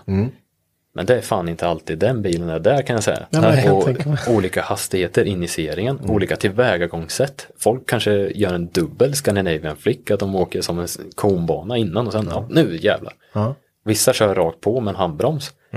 Liksom det är där man har spottern i teamet eh, som lite hjälp då. Han sitter ju och kollar på hur alla kör på träningar, hur de gör, vilket tempo de har runt banan. Kanske klockar de hur snabbt de kör banan. Så vi vet ja, om våra motståndare är snabb eller långsam. Liksom. Okej. Så, mycket, mycket läxa där liksom. Alltså, ja, det, det har man ju lärt sig med åren. Liksom. Det, det är så pass mycket man, man kan göra för att vara mer förberedd än vad man tror. Så, Hur mycket bromsar man i en runda? Alltså, lite Hur, som vänster möjligt. bromsar du när du kör eller? Ja, gärna så lite som möjligt men eh, kommer man lite fel och kanske vill dra ut bilen i en zon lite extra, ja, kläm till på vänsterbromsen. Man det. För att komma ut, då kommer du ut längre alltså? Ja, men precis, man låser bilen på samma vinkel eh, kan man säga. Ja, Istället just för, man drar ju ofta, om du tänker, du har ju friktionen på bilen så pekar nosen in i kurvan. Då kommer du dra bilen inåt för att Mm. den Ja, just vill. det. Men vänsterbromsar blir lite som att du börnar, Ja. ståbörnar liksom. Att du håller kvar den på samma eh, skidlinje om man säger. Just det. Eh, James Dean är ju en jävla fena på det faktiskt. Ja, Det ser man ju. Han använder ju, många använder ju vänsterbromsen som kanske en negativ sak att man vill sakta ner och liksom mjölka lite. Men gör man det rätt så tycker jag inte att det har någon större inverkan på eh, som tjej som man säger att eh, leadbilen börjar vänsterbromsa lite, gör Nej, det bara precis. på rätt sätt, då, då är det inga problem. ja. liksom. Det känns som de flesta gör väl det nu mer eller mindre va? Ja men precis, det, vi har ju tagit körningen till den nivån så att det är så små justeringar hela tiden. Mm. Så jag tror många är med på det. Men om, om man ser de här riktigt tajta transitionsarna, alltså Mm. säg att eh, du, du ligger jättenära och sen så ska den vända håll och man, man liksom ser hur bilarna liksom på något sätt, ja nu illustrerar jag med Gnuggar händerna, men att de så här, den bara liksom. byter, är det egentligen bara en ren jävla chansning? Jag vill säga nej, men ibland ja. Säg att det ligger eh, som sagt väldigt, väldigt tajt. Det går att, det, man, vi brukar snacka om att man kan fastna i fickan. Typ på Mantorp, vänsterkurvan. Du kan gå upp jättefint på någon större, ligga jättetajt. Men det är väldigt farligt att ligga kvar för länge. För ligger du kvar för länge, då måste du backa bilen. Typ som att göra en fickparkering och Ja, det. växla om till andra sidan av leadbilen när, han byter håll. Så när han byter håll, det vet inte du. Nej. Så det är ju ett lite vågspel. Du får ju mer poäng om du ligger kvar. Men hur, hur, hur länge? Liksom? Nej, det, det är det som är fränt egentligen. Hur, Ja, hur ja, visst. man vågar liksom. Men det finns ju väldigt mycket man, man tittar, alltså det är mycket olika körstilar. Ja, En- precis. Det är mycket, en del har ju skitmycket attack, det är liksom bara. Och sen när man, och vissa kommer liksom, det, man, man ser eh, kanske med, hur ska jag förklara, men, ja men, no, som säkerhet, ja men så, lite när du kör, det, det är konsekvent liksom, he, hela tiden och, ja men man vet nästan att, ja, så, så, så, så. Det blir nästan tråkigt att se. på. Ja, men det- jag- det är jag konsekvent. Ja, Det Det ser lätt ut. Ja, Ja, ja. och sen har man ju de som har det är tvärattack ut. liksom. Och då blir det så här, "Åh, kommer det här gå bra? Det är, det är lite där vi snackar om också. Det är ju high risk och high reward. Alltså satsar du allt, då kan du också vinna allt. Då kan det bli kvaletta. Ja. Men vi brukar köra mer att vi kör ett ganska så safe kval så vi vet att vi är med i tävlingen. För visst, den som har högst kvalpoäng i stegen sen, den du möter i battern, de, den med högst kvalpoäng får alltid starta med att leda. Okej. Och det, då, då kan man nästan säga att den som börjar att leda, den sätter ribban för hur själva battern ska gå. För gör den riktigt bra lead, då är det upp till den andra sen och gör en minst lika bra lead. Så ja, det, visst, det, det är som sagt, det är hög risk. Men, Men det är kanske därför din bil fortfarande är hel då sen. ja, möjligt, Att du har möjligt. kört som sagt. konsekvent Eh, liksom. Jag, jag har ju blivit lite bekväm med åren med att jag orkar inte skruva i onödan. Nej. Eh, Jag, jag, typ spränga en drivknut liksom. Det är jag som suckar mest med grabbarna liksom. För Ja. de, de byter den utan att ens Fan, jag säga hade någonting. gråtit i två veckor om jag gjort en sån grej. Ja, det- är helt otroligt med grabbarna. Det mitt team är ju fan det bästa man kan ha. Så det, Mm, Jag måste säga det. det är stor eloge till alla som sliter. Alltså. Vad, eh, snabb fråga, vad ingår i, i ett eh, driftingteam här liksom? Vad, hur många är man och... Ja, Säg, ta, ta ditt team som exempel. Jag tror vi är i stort sett tio stycken totalt. Oj. Ja, men med det, det är i alla fall, det är ju ett, eh, det, man måste ju lita på sitt team liksom. Att de gör, jag menar kör man exakt. sönder och du tar den här, säg att det finns ju något i en drifting också, den som inte kan någonting, eller är så insatt i det, att du kan ta den här fem minuten till exempel. Exakt. Att någonting händer, du är mitt i en battle, men det här kanske jag kan lösa på fem minuter. Då kan du ta fem minuter, men då gäller ju att alla är så här. Det, det är bråttom nu alltså. Nu jävlar. Det var som att byta däck på en formelbil va? Ja, exakt. Men hur, hur, vad, hur många roller finns det i team då? Alltså vad... Ja, det finns ju som sagt spotter. Bosse, eh, Andreas Åkesson, han är min spotter. Eh, har varit det i ett ganska många år nu, så vi pratar samma språk om man säger. det, det är väl nyttigt. Sen har vi chefsmekaniker, det är ju farsan. han, är, han är chef. Ja. Eh, Han, han är fan chef. Ja, lite så. Och sen har vi ju mekaniker. Alltså jag skulle säga att våra team är jävligt vast för vi har, jag tror vi har fem eller sex vanliga bilmekaniker som jobbar med bilar, alltså varje dag. Så det är inte några som aldrig har hållit på med bilar som ska helt plötsligt byta en drivaxel. Det, utan, det är inga reservdelsbytare utan det är bilmekaniker. Ja men lite så. Det, det känns alltid tryggt när de gör någonting Mm. på bilen oavsett liksom. Jag behöver bara fråga, är det klart? Ja, då vet jag att det är draget, det är rätt olja, det är rätt, eh, allt, allt är klart liksom. Grejerna pekar dit de ska. Mm. Ja. Så det bara köra. Ja, för det måste ju också vara en sån grej. Om någon annan ska skruva ihop bilen som du ska köra. Precis. Så kan inte du börja tveka på, ah, fan fixar de det här? Ja, men Eller precis. Fick de det här rätt? Liksom? Exakt, det, kan, drog de med kardanen här liksom? Ja. Kommer den sitta kvar? Eller? det får inte finnas något så, för Nej, då blir det precis. jättejobbigt. Men är det alltid så att du aldrig skruvar på tävling själv? De vill ju inte det i tävlingsledningen säger de att man ska skruva i overall. Men Nej, nej det- men precis. det Men om vi tar under en tävlingshelg, om ni behöver göra någonting under natten liksom mellan Ja, dag men ett och dag det, två. jag hjälper till med det jag kan. Absolut. Ja. Jag är ju också bilmekaniker så ja, jag har ju bra god, god Ja just det, men det, det är liksom, du är ändå med när du kan. Ja, ja. Men det är de som är liksom där för att göra det egentligen. Ja, Mm. det kan man säga. Ja, det är ju ändå viktigt, jag menar, säg att någonting går sönder eh, och det behöver meckas till dagen efter. Men jag menar, du ska ändå tävla dagen efter. Mm. Det är ju ganska viktigt att du får ändå sömn, Ja, äta, får ändå ta det lite lugnt. Jag menar, Ja, men det är det så teamet är lite Ja. till för också. Ja, men det funkar skitbra ju. Ja, för man ser ju många förare som nästan är själva. De kanske har en, kanske två personer med sig. Och jag menar, blir det ett storjobb då, då ligger de ju kanske halva natten där. Fast det, Och det är klart, det är svårt att prestera då kanske. dagen Ja, efter. men det är lite vackert att se det med. Ja, ja, det är ju, det är ju en eh, skär- skärmen i hela sporten liksom. Men Ja, det, det. när man är på den höga nivån så är det samtidigt så att man måste ju man måste ju prestera på en jäkligt hög nivå liksom samtidigt. Men jag tänker, kan inte du dra en kort, alltså vi, nu vet vi ju, du, du har tävlat en hel del. Du har vunnit en hel del. Kan du inte dra, vad, vad har du för meriter i bagaget? In, inom driftingen. Ja, inom driftning. Ja, det började ju som sagt med en tredjeplats i Modified 2012. SM-guld 2013.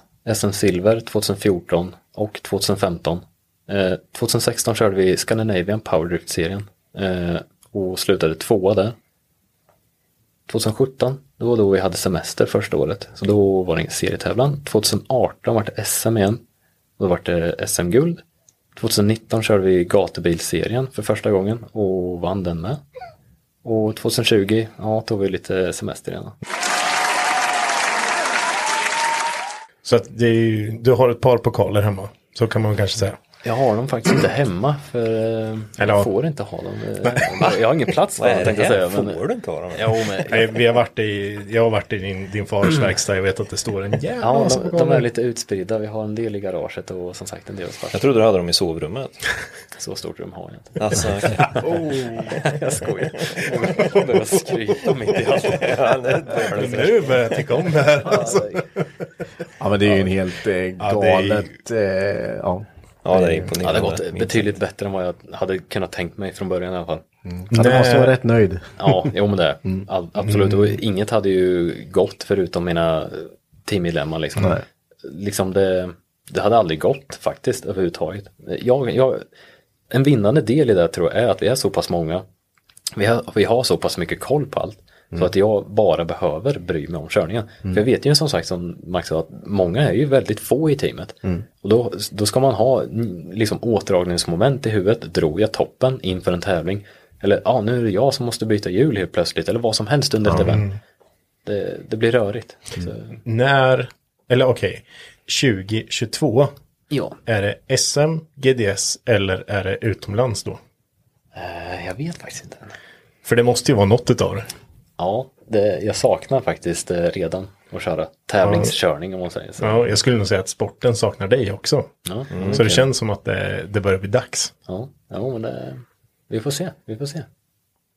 Ja, ja det håller oss lite på sträckbänken då. V- v- eh, jag har en fråga. Vem är din längsta konkurrent? Alltså som du har konkurrerat med längst? Oj. Är det någon av dem, alltså som du tävlar mot 2013 som fortfarande tävlar? Eh, alltså Jim Olofsson måste ju vara en av de längre eller? Var han med då kanske? Nej, han kan inte kört SM. Jag undrar om han körde, ja kanske att han, ja men han har ju ändå hållit på länge, det stämmer ju. Ja, 14 kan han nog fan varit med i alla fall. Ja, precis. Annars typ Micke Svensson, men han har inte kört heller på många år. Ja, han körde väl, ja, 2018. förra året var det ju inget om man Ja, säger. Men, 2018 när vi körde Mm. SM, då körde han. Ja, Så det måste ju typ vara han. då. så det är inte många då som har liksom, för du är ju inte, du är inte lastgammal heller liksom. Nej, exakt, men nu har han som sagt varit 30 år. Ja, Så det känns ju också Oj. att man börjar bli lite gammal. Nej, men som sagt, tiden går fort och jag tror många, många bränner sig. Det kostar att ligga ute med delar och Ja, det tar tid framförallt. Ja, så är det. Men det sparar man ju på om det inte går sönder. Exakt, ja men som sagt, det är en vinnande grej med Ja, kanske visst. att vi har hållit ihop bilen så pass bra som den har gjort faktiskt. Ja, absolut. Om man bara får ta, ta en, en snabb grej då innan vi går vidare. Men att jag tänker att om du får ge ett tips till någon som jag vill börja köra drifting. Vad säger du till den personen? Jag skulle nog säga att eh, köp en bil där det finns mycket reservdelar till. Lättillgängligt. Inte för dyrt. Och som sagt som vi pratade om, inte för mycket effekt. Det räcker som vi, vi har Bosse har en IS200, jag har en IS200, Filip i teamet har en IS200 också. Alltså en bil som är bakhjulsdriven, som har goda förutsättningar att kunna bli bra. Det finns mycket tillverkade delar, alltså eftermarknadsdelar till att göra att du kan ta de här stegen i rätt riktning hela tiden. Eh, och bara kunna köra. Sätestid, en vettig stol, sätta diffen och sen bara kör. Mm. Det ska jag säga. Jag är Henke. Och jag är Mackan. Glöm inte att följa oss på Instagram. Där heter vi Garagehang podcast. Och även på vår Facebook-sida, Hypnotic Garage. Ja men Marcus, lite event är på ingång. Ja, precis. Jag, jag tänkte vi ska, vi ska börja prata lite om, jag och, jag och Max ehm, jobbar ju ganska intensivt och mycket med eh, SM i drifting nu. Och det är ju ehm, gatubil, SDC. Eh, som, Presented by Maguires. ja precis. Ehm, där eh, gick vi in i år och började driva det. Som, ja, på gatubil som man säger. Gatubil gick in som promotor. Precis. Och vi jobbar med gatubil. Mm. Eh, det är första gången jag jobbar med en serie på det här sättet. Du har jobbat mer. Ja, det har blivit lite serie på olika sätt om man säger. På Precis hur, eh, om man säger, hur, hur, hur kommer det sig att vi gick in i det här? Hur kommer det sig att vi började med det här? Ja, det är en ganska bra fråga. Men jag tror eh, grunden är ju att Alltså gatubil är ju, från början är ju, som vi pratade om tidigare, det var ju liksom när gatubil började fanns ju knappt drifting i Sverige. Det var ju det var en extrem minoritet som höll på med det inom motorsport kan man säga. Och sen kom gatubil och det var ju egentligen det som fick driftingen att komma igång i Sverige. Eh, och jag tror det är få som kan eh, hävda att, liksom, och förminska gatubils, eh, hur viktigt det har varit för svensk drifting. Liksom. Eh, och för gatubil har det alltid varit viktigt med, med återväxt. De vill ju såklart att fler och fler ska köra eh, drifting och på deras event generellt liksom. Ehm, och ehm, de, de vill vara med och, och stötta det här liksom. Och de, för de eh, ser ju liksom vikten i tävlingsdriftingen också. Tävlingsdriftingen har ju blivit större för varje år som går. Innan var det ju mest det var ju mest frikörning. Eh, men nu är det ju, det är ju ganska många som tävlar i drifting nu liksom. Och det är ju ett viktigt sätt att marknadsföra sporten. Det är ju liksom det bästa sättet att marknadsföra sporten är ju att, ha, att göra eh, bra tävlingar. Eh, sen frikörningen är ju skitfrän att titta på. Men det är svårt liksom att, att sälja in det om vi nu ska säga så. Eh, så att eh, Gatubil helt enkelt kände att ja, men nu, nu är det läge eh, att ta tag i det här. Eh, för SPF hade ju utskottet som drev serien under ett antal år kände liksom att vi orkar inte det här längre. Och då, då var det dags helt enkelt. Och det gjordes ju, när utskottet gjordes, då var det väl mer eller mindre allt ideellt. Ja, så var det. Det var, det var helt Och ideellt. då, var det. då kommer det ju till en viss nivå där tävlingarna kommer ju vara bra, alltså tävlingsmässigt. Mm. Men du gör ju inte så mycket runt omkring för det, det ger ju varken till eller från om man säger. Nej men precis, det kommersiella får ju ingen plats. Nej, och det är, ju det, det är ju det, det, du kan ju inte utveckla du kan ju inte utveckla en sport eh, när du väl, alltså när du är på den nivån som, som den här sporten är nu, driftingen, och har varit under några år nu, så kan du liksom inte utveckla den så mycket mer. Alltså förarna kan ju såklart bli lite, lite bättre liksom, men de är, de är redan så pass bra, så det här är en produkt som man liksom kan få ut och få folk att bli ännu mer intresserade av. Men då måste man ju liksom nå ut kommersiellt. Eh, Man måste synas i media, man måste producera liksom snygga grejer, man behöver få med sig företag som, som vill synas i de här sammanhangen och, och så vidare och liksom exponera förarna och arrangörerna så mycket det går. Jag vet att vi, vi diskuterade ju också mycket kring, eh, det vart ju ändå ganska hastigt vi kom in i det här. Mm, ja men det blev det. Eh, Det var ju i början av året och en av de viktigaste sakerna som jag vet vi diskuterade om det var ju en livesändning Mm. som ska vara på en bra nivå. Precis, precis. Eh, och det tycker jag att vi har ändå fått till. Ja, men det måste jag nog ändå säga att vi har. Det är ju en... Ja, men vi har ju tagit rejäla kliv vad det gäller livesändning i drifting i Sverige. Det är ju inget snack om. Eh, Vi är ju inte liksom, vi är ju inte på den nivån som Drift Masters eh, och Formula Drift är. Eh, Men jag tycker vi, är, vi har tagit ett bra kliv faktiskt emot det ändå. Med tanke på de resurserna vi har om man jämför med de andra internationella serierna. Liksom. Jo men så är det. det de, de lägger väl på en deltävling. Alltså en halv deltävling är vad vi lägger på ett helt år kanske. Förmodligen, förmodligen liksom. Och de har enormt mycket människor som jobbar med Mm. det och sådär. Så att, nej men eh, alltså, jag tycker ändå vi ska vara väldigt nöjda med den, eh, den livestreamen vi har fått till hittills. Eh, Det måste jag ändå säga, om man får klappa sig själv lite på axeln så tycker jag ändå att det har blivit bra. Eh, Det har ju såklart blivit liksom grejer i den som inte har funkat till 100%. Eh, Men så är det ju med allting, man måste ju börja utveckla det någonstans. Liksom. Ja men så är det ju, absolut. Så att, och vi, vi har ju, jag känner att vi har nått ut bra med den och hela, hela serien i sig, hela, hela produkten har vi lyckats sälja in med. Vi har fått med varumärken som vi synas med oss. Eh, Och det gör ju att vi kan göra ännu bättre grejer och vi, vi har ju jätteduktig folk som jobbar med det på, på massa olika sätt, liksom, som producerar det här och som genomför tävlingarna. Eh, och allt vad det är liksom, så har vi fått, fått ihop en, en riktigt bra skara människor tillsammans då med, med ett riktigt bra startfält liksom, i serien. För där måste jag ändå säga att vi aldrig haft en SM-serie på den här nivån tidigare. Nej. Körningen har ju också tagit ett rejält kliv uppåt liksom. Det, det känns verkligen som det, alltså när man ser när man ser när de kör liksom. Men eh, jag tänker Johan, du som ser det utifrån nu liksom. Du var ju ändå, eh, du var ju kommentator också på första deltävlingen till Ja, exempel. stämmer. Eh, våran expertkommentator. Exakt. Men eh, hur, eh, hur, ser du, hur ser du på eh, skillnaden nu liksom? Ja, men som sagt, det, det är mindre misstag. Som sagt, eh, driftingen i Sverige, det har, det har inte legat längst fram i utvecklingen. Det har vi verkligen inte gjort, men eh, som sagt på senare år, det, det ser bättre ut. Absolut, både framförallt median tycker jag har varit skitbra i år. Eh, sen körningen, som sagt, det är mindre misstag så det blir bättre battles och det är det publiken vill se och det är det man får media av. Så ja, absolut på rätt, rätt riktning. Ja, det är en, det är en superstor shoutout till SLC TV som gör själva livesändningen tillsammans med oss såklart. Vi jobbar ju väldigt intensivt med den. Och Samuel Kolsmyr som gör allt det grafiska videomaterialet. Det är ju helt fantastiskt. Ja, ja, allt snyggt, videomaterial som ploppas upp, det är han som gör det. Och under tävlingar så liksom då sitter han in på nätterna till nästa deltävling. För han sitter och klipper liksom intensivt videomaterial som ska vara med upp i livesändning och sådär. Det är extremt motiverande och kul att jobba med.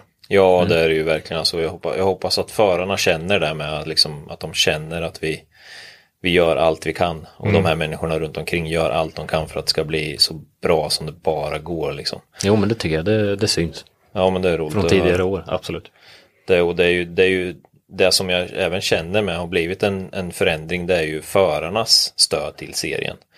De har, de har faktiskt visat och, och liksom vågar säga att de kör i en bra serie. Och de, tidigare har det varit lite så att man, det, ja, men man har inte riktigt velat håsa där man själv håller på med.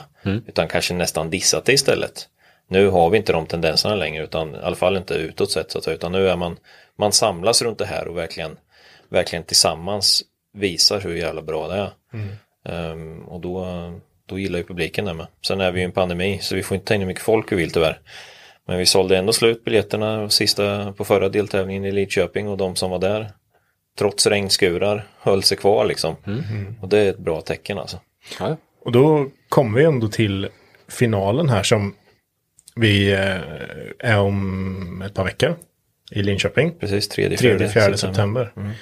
Eh, den kommer gå mitt i Linköping. Stämmer bra.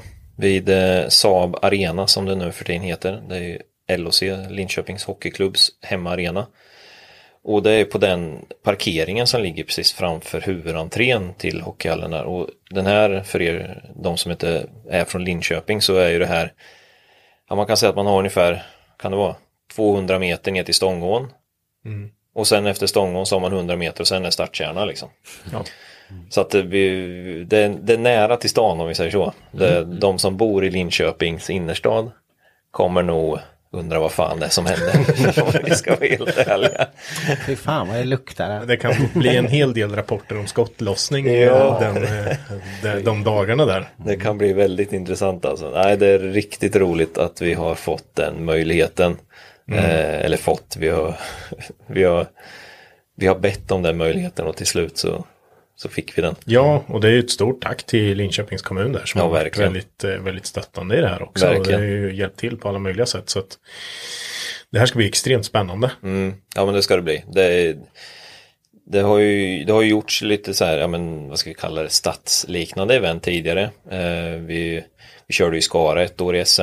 Eh, det var ju vid Skara Sommarland så det var kanske inte in i stan men det blir ändå, alltså man bygger en bana på ett ställe där det inte är en bana helt enkelt. Eh, och vi har ju kört påskkladden i många år. Det är också lite liknande liksom. Ehm, och eh, det här, eh, det här tror jag kommer bli, eller det kommer bli ännu värre så att säga. För den, den här parkeringen som vi ska vara på, den är ju ändå relativt stor. Ehm, och det gör ju att vi kommer ha en bana där du har relativt hög fart faktiskt på vissa partier av banan. Liksom. Och det är inte jättevanligt när man kör inne på den här typen av bana. Att det faktiskt går relativt fort. Initieringen kommer ju ändå att vara förhållandevis hög fart faktiskt. Ehm, så att det, det kommer vara fränt. Det är bara regn tror jag som kan förstöra den här tävlingen. Och eh, om man vill hitta lite mer information om den här deltävlingen, om man vill komma och kika på den, för det går ju faktiskt att köpa biljetter. Mm, det finns, jag kan säga att det är inte många biljetter kvar. Nej, Eh, nu spelar vi in det här på en, eh, vad är det för dag? det är torsdag. Det är en torsdag. Och jag vågar nog nästan säga att innan helgen är slut, då är biljetten i alla fall för lördagen slut. Ja. Så Det när, vi har det här så är de kanske slut. Ja, men det, Ja, det är en stor risk. Däremot så finns det förmodligen kanske biljetter kvar för fredagen. Men det är ju bara att gå in och kolla och ni hittar ju all information på mantorpark.com. Mantorpark Facebook, gatubil STC eh, på Facebook och Instagram. Ehm, så att eh, se till att ta den chansen och vi, vi gick ju faktiskt ut med en tävling med nu för några dagar sedan. Där man kan vinna en medåkning med Johan Precis. på den här banan. Spännande. Det kan bli rätt spännande, tror jag. Det hade nästan varit intressant att sätta Henke i en bil. Jag alltså. visste ju att det Ja. skulle komma. Fan, det jämt likadant. Jag tänker så här, en öppen hjälm och sen så sätter man en GoPro precis framför ansiktet. Precis. Lite snett nedanför. Ja, li- ja exakt. Ja. du, exakt. vill, du vill mig bara ont. Du vill att jag ska få en hjärtinfarkt. Nej, men man vill ju se tårarna Ja. komma. Är Ja. Vi får rekommendera att den som vinner det här priset får ta med sig eh, underkläder. För ombyte då, tänker vi. Ja, det kommer, det kommer, det kommer ju bli en tajt bana. Ja, ja, det är inget snack om alltså. Och med det sagt så är det ju faktiskt så att vi, vi ska ju faktiskt få se dig tävla där. Precis. Yes, stämmer. Och det är ju, det är inte illa. Nej, alltså som sagt, man har ju sneglat på SM-serien i år. Även fast man inte kör, man måste ju hålla lite koll på grabbarna liksom. Och det, som sagt, det, vi ska inte gå in och spela sista bossen på något sätt. Men eh, vi kommer ge allt. Fast jo. Sista bossen. Men eh, det, i år så i serien så finns det ju något som heter wildcards. Precis. Eh, Så man kan ansöka om wildcard till varje deltävling. Och tävla med. Då tävlar du inte om några seriepoäng såklart.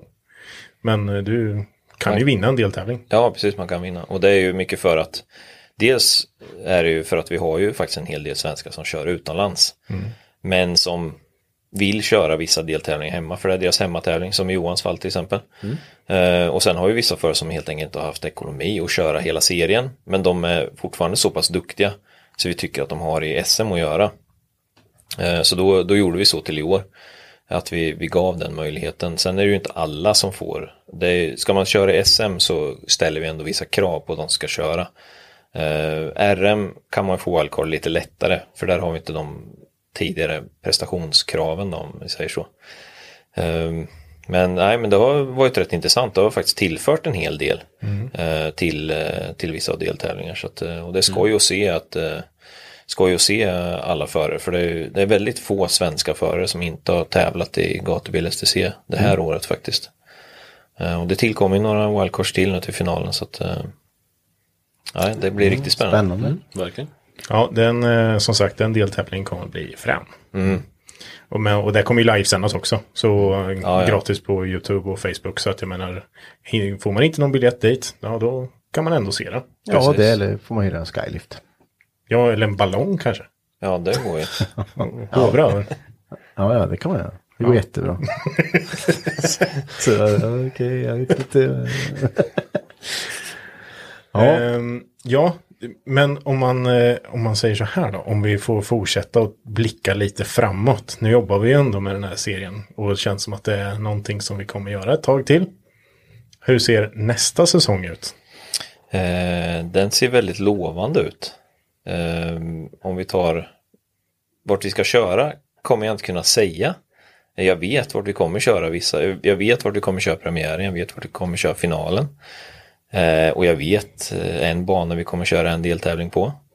Eh, och jag vet vad vi håller på att jobba med och jag kan säga att den här säsongen är ingenting emot vad nästa säsong har att komma med. Eh, så att det kommer bli eh, något utöver det vanliga. Kan, kan vi säga på, för det är ju någonting som inte kommer bli av.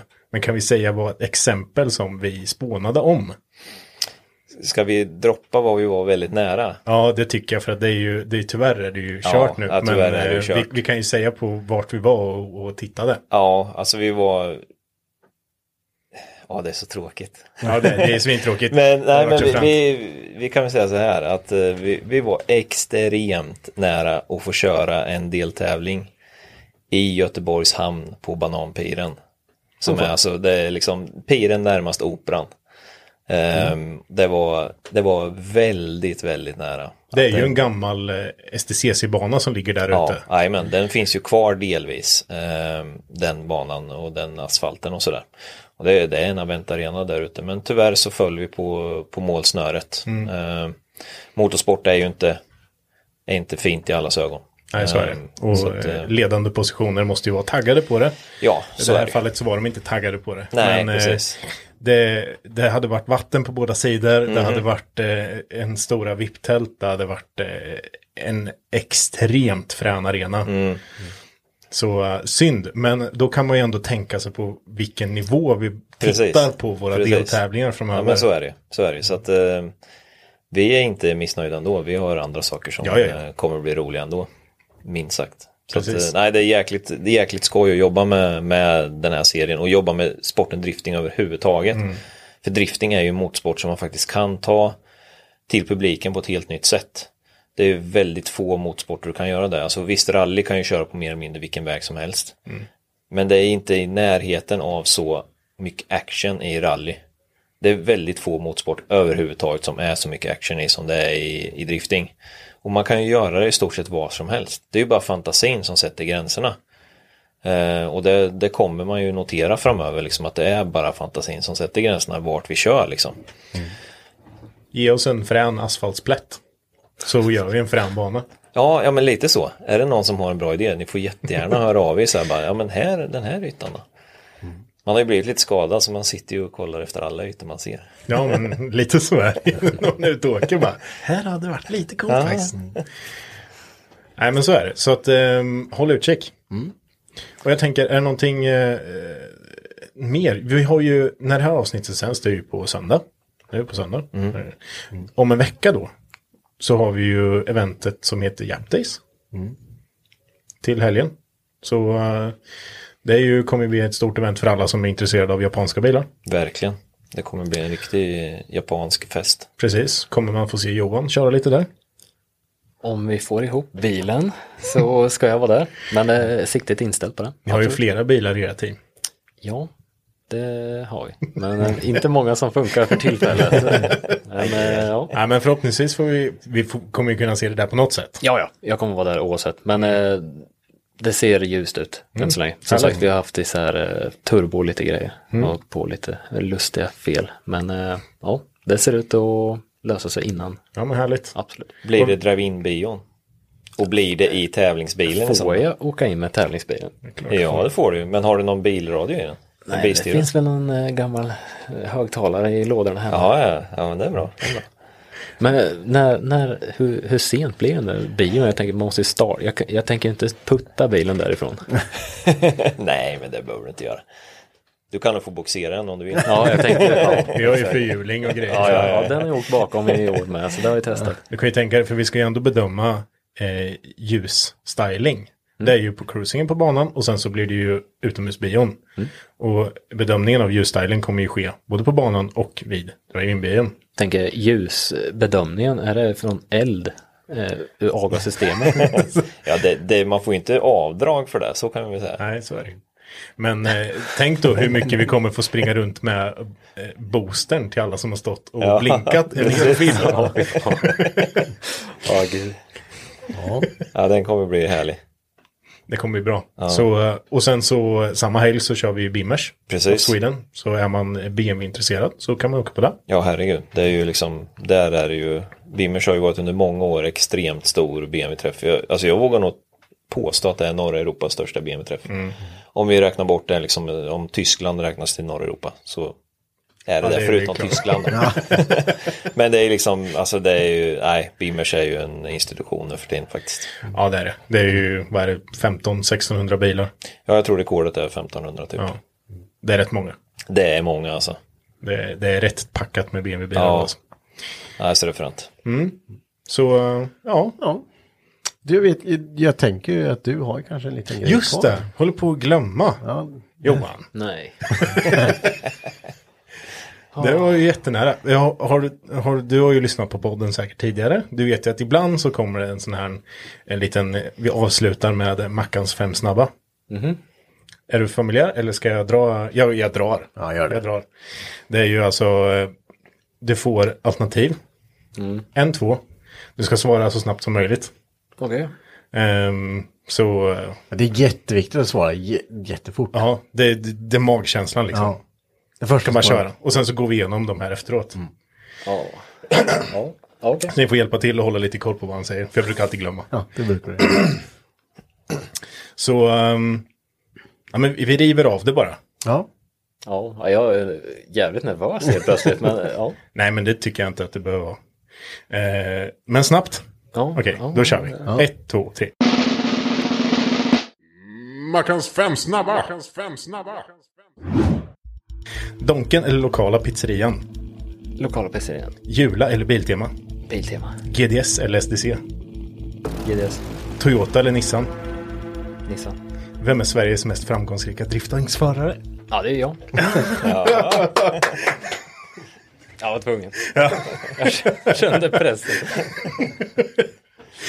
Eh, Donken eller lokala pizzerian? Vad tog han? Lokala pizzerian. Lokala pizzerian. How come? Eh, jag vet inte, det känns eh, mer gött. Mer, mer gött. Ja, men Donken, man är mätt i tio minuter, så, sen är man hungrig igen. Så. Ja, så är det. Bättre med en flötig kebab. Exakt. Fel. Eh, GDS eller SDC? Eh, då står ju GDS för Gatubil Drifting Series, som du har tävlat i. Yes. Eller SDC, Swedish Drifting Championship. Precis. Vilket vart det? Vad sa han? GDS. Du sa GDS? Ja. Eh, hur kommer sig detta?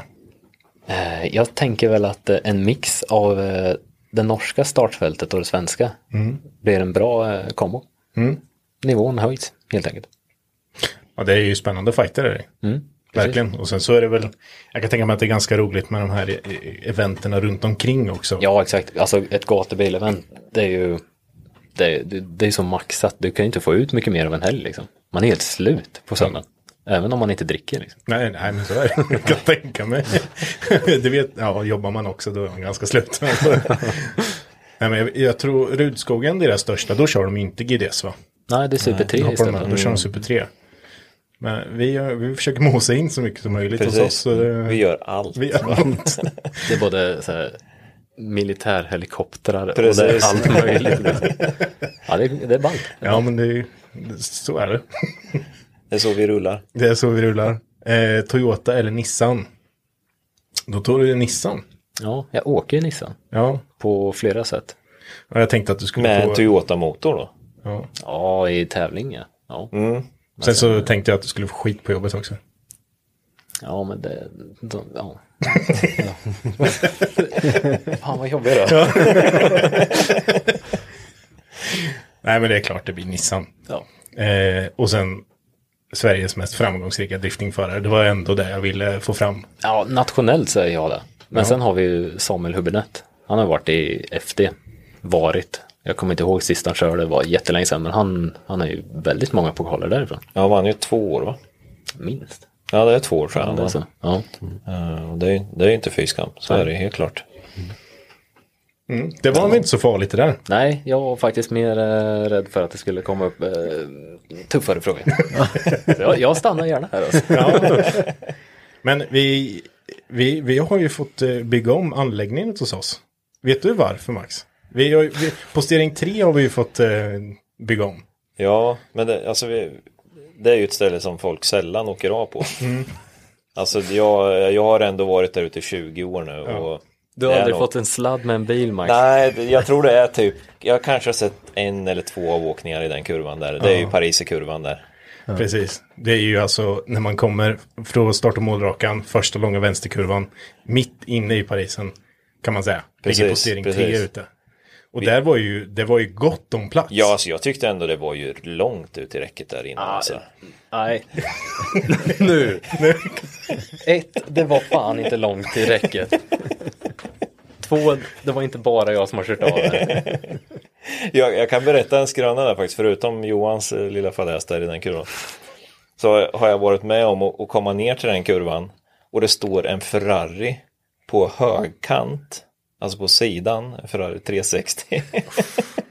Föraren står utanför och röker bara. Ja, det här gick inte så bra.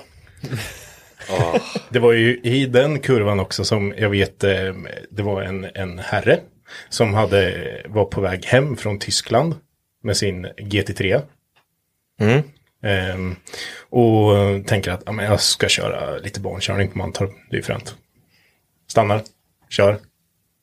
Kör i där nere, Åh. i den sladden, in i. Men snacket efteråt var ju bara, ja men det finns ju fler GT3 nere i Tyskland. Så. Den var inte ens inreggad i Sverige. Det var inte det problemet. Det var ett problem. Men det här var ju ändå, det måste ändå, ja nu pratar vi lite mer om det där Johan, men du får leva med det. Ja, det Men det, men det här var ju 2013 om jag inte minns fel. stämmer. Första Eh, varvet. Ja, och det var första gången vi körde Dot Drift Break. Japp. Men jag kommer ihåg att snacket gick rätt mycket om dig då. Alltså, Ja, men du, du var lite så här up and coming. För man hör, många sa så här, har ni sett han eh, från Linköping som kör? vad fan. Så det, snacket gick om dig då. Och sen fick man höra bara, ah, han, hade åkt, han åkte i räcket direkt. Typ så här. Alltså- och folk var så besvikna, kom, alltså så här liksom, vad fan vad synd det är om en liksom. Ja. För de hade ju sett, det, ja men de i driftningen visste ju liksom att du hade kört bra året innan. Så det var, det var en liten grej jag hade liksom. Sen var det ju ingen jättehård ikörning, det ska vi ändå ge dig. Nej, nej. Ja, det finns en bild på internet. Jag vet, alltså mitt självförtroende efter den här kraschen. Det, det fanns inte alltså. Men det var farsan och familjen liksom som sa bara fan, det är som att du krockar med en bil i trafiken. Du måste igång och köra igen Ja, för att liksom fortsätta och så. Men har du kraschat efter det? Rejält? Jag kan inte minnas att du har kraschat. Ja, jag har tagit sönder mina bakljus en gång. Ja. i Ja men det räknas inte drifting. Eller för fan. Skara var jag i med stötfångare med. Men alltså. Eh, Lite- nej, Nej, du har inte kraschat då. nej, nej, jag tror inte det. Så Men- det är ju ändå ganska bra. Ja, till mitt försvar, just den kraschen, om vi ska ta tillbaka till 2013, när vi knappt hade färg-tv tänkte jag säga. Eh, jag hade bytt handbroms till hydraulisk. För att det skulle man göra. Ja. Men eh, ja, jag tror till och med jag körde på typ så här 16 tummare, skitdåliga däck, ashalt. Så det var inte något med fästet, att jag fick fäste för det hade jag inte. Men däremot så, jag var van vid mina handbromsvajrar. Att när jag drar i handbromsen, då låser det. Och sen har jag ett litet preload så jag kan sänka handbromsen, ja, x antal centimeter och det är fortfarande låst. Hydrauliken i den nya handbromsen, släppte jag minsta, minsta lilla, då började hjulen rulla igen. Och jag tror det är det jag gjorde, för jag kollade på filmen, jag hade incar på just det varvet. Och det ser ut som att jag drar i handbromsen och så släpper jag handbromsen, alltså det där lilla lilla. Och då ser man att bilen bara blå, drar ut åt vänster och då har jag ju redan hjulen åt det här hållet. Så det, det fanns ju inte en pullis till att hämta hem det där liksom. Det, ja. Det är sånt som händer. Plus att bilen vart ju inte kvaddad på Nej, något sätt. men det var ju liksom ögonstenen och när huven blir som ett korthus framför liksom. Och man sitter och bara, ja. Just det, det smakar damm i munnen helt plötsligt. Ah, ah, nu får jag flashbacks. Oj, oj, oj. Fast det är ändå, jag måste ändå säga att det är ett jävligt bra betyg att vi kommer ihåg en avåkning.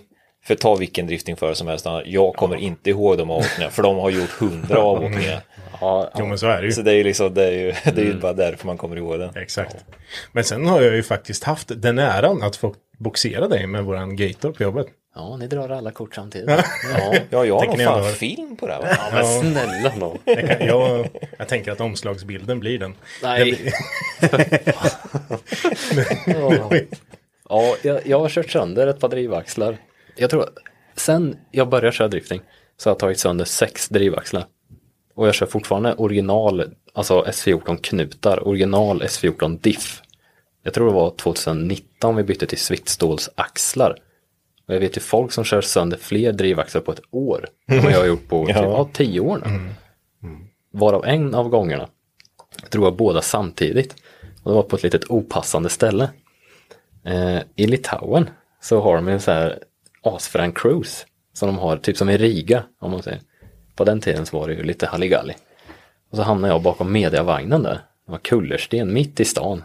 Och så Bandana Boy och grabbarna stod liksom och vevade med att man skulle burna. Ja, Man fick ju inte det egentligen. Så. Ja, det var cruising alltså mitt, mitt i stan Ja, på kvällen. Ja, det var ju sån jävla feeling alltså. Staterna är ju härligt på Ja. många sätt. Alltså. Ja, bara, ja, jag körde väl igång en burn på ettan där liksom. Kullersten, ja det rök ju inget. Jag tänkte, fan det här måste jag göra snyggt. För jag såg ju redan filmerna innan jag kom hem där. Bara, ja det här blir så jävla bra. Så på i tvåan. Och det smäller till. Och bilen slutar driva. Jag Bara, jaha. Kolla på Micke som satt i bilen. Bara, vad gör vi? Bara, Han bara, ja ja. Jag hoppar ut, kollar, ja, en drivaxel av. Han bara, den här är också av. Ja, bra. Och bara, hur kommer vi tillbaka till depån som är på andra sidan stan då? I Litauen på kvällen när man inte fick börna. Så det var så här, ja, vad har hänt liksom? Men jag har för mig att Sjödin hade med sin eh, servicebil, så här pickup, som eh, vi får åka skämsnöre och tillbaka med. Så, ja, det var, vi skulle samlas i stan vid en kyrka tror jag. Det var skitfränt bara runt hörnet så var ju den där kyrkan så vi kom ju aldrig ända fram liksom. Vi puttade in bilen på en så här shady bakgata där det kom folk och lösa hundar, jag vet inte vad liksom. Ja, det, var, det var äckligt var det. Men det, det löste sig. Ja, det gjorde det. det. Det som jag pratade om, det är ändå lite komiskt. Ni skulle ju testköra en slinga ju. Du och Erlandsson. Ja, precis. hos oss. Och du skulle ju bara testköra. Erlandsson Jo men det var ju när vi skulle testköra åt fel håll. Ja, Precis, precis, exakt. se så det Första gången. funkade. Ja. Ja. Så Erlandsson pajade ju sin bil nästan Ja. direkt. ja, han tappade sitt uh, spjällhus här för mig. Ja, just det. Ja, det vart kaos. Ja. Och sen så skulle du bara åka bort och vända. Vi stod ju upp och tittade nu. Kommer han snart i världens... eh, Mm. Ja, jag, jag tar karriär. ett uppvärmningsvarv så. Ja. Och sen första varvet jag skulle ta i. Och så kommer jag halva banan, löver bilen och det small till och kollar i backspegeln. Då kommer en hel drivaxel som en jävla hare i gruset och klotar runt liksom. Jag Bara, aj, jag orkar inte. Ser i backspegeln hur det är fuck you-fingret. Ja men direkt jag tänkte bara nu sköt jag lådan eller någonting. Jag kollar i backspegeln och kommer den där. Står ju där uppe och tittar ett tag så. Han kommer inte tillbaka. Ja gud. Fan nöjd man var att spränga ut med, hämta gatorn och sen boxera. Ja. Så var jag ju tvungen att ta ett par selfies också såklart. Skadekläderna. Alltså. Men det är ju lite, det är ju lite roligt faktiskt. Det är ju, vi har ju traditionellt sett så kör man ju drifting i Pariskurvan på Mantorp. Eh, Men så började vi ju köra i, på södra slingan och det är ju tack vare Johan vi gjorde det. Att du frågar liksom varför kör vi inte där uppe för? Ja. Och så, liksom, och så testade vi det helt enkelt. Jag kommer ihåg när vi, när vi provkörde det på gatubil, då åkte jag med dig. Ja. Det slutade med att du fick upp till tävlingsledningen för jag sa upp Ja, just det. Så åt Johan bara, nej men vad fan, vi genar över räddningsvägen så behöver vi inte åka hela varvet varje gång. Mm. Så hinner vi köra några testrepor. Skitbra. Då blir de skitförbannade. Max klev ur bilen efter vi hade kört klart och tänkte bara fan det gick ju skitbra. Tog två minuter, kom två personer och bara skällde ut mig. Du ska upp till kontrollrummet. Bara, Jaha, ja, men Max, ja, jag skiter i, du ska upp liksom. Jaha, fick stå där uppe med svansen mellan benen. Bara, men var Max? Åkte Max med bilen? Var det Max? Var det världens Så fick jag gå upp sen och bli utskälld. Platschefen där. Ja, jag var ju tävlingsledare med på det eventet. Ja, de trodde mig inte först alltså. Allt, men det är ju alltid så. Det är så är alltid på Mantorp. Det är, antingen står det i entrén så är det, ja men jag har pratat med Max. Precis. De kan stå och prata med dig där nere och säga, jag har pratat med Max. Ja, jag visste. Jag bara, jaha, alltså, spännande. Och är det något annat skit som händer, ja men vi har snackat med Max. Bara, Nej, det har du inte gjort.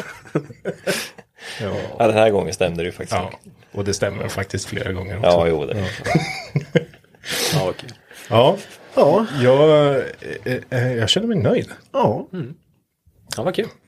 Kul att ni ville komma hit. ja jätteroligt. Absolut. Ska ju vara här som vanligt. Jag hoppas ni vill komma tillbaka igen. Ja, absolut. Det finns mer stories. Ja, det gör det. Vi kan rota fram lite mer bilder och filmer och grejer.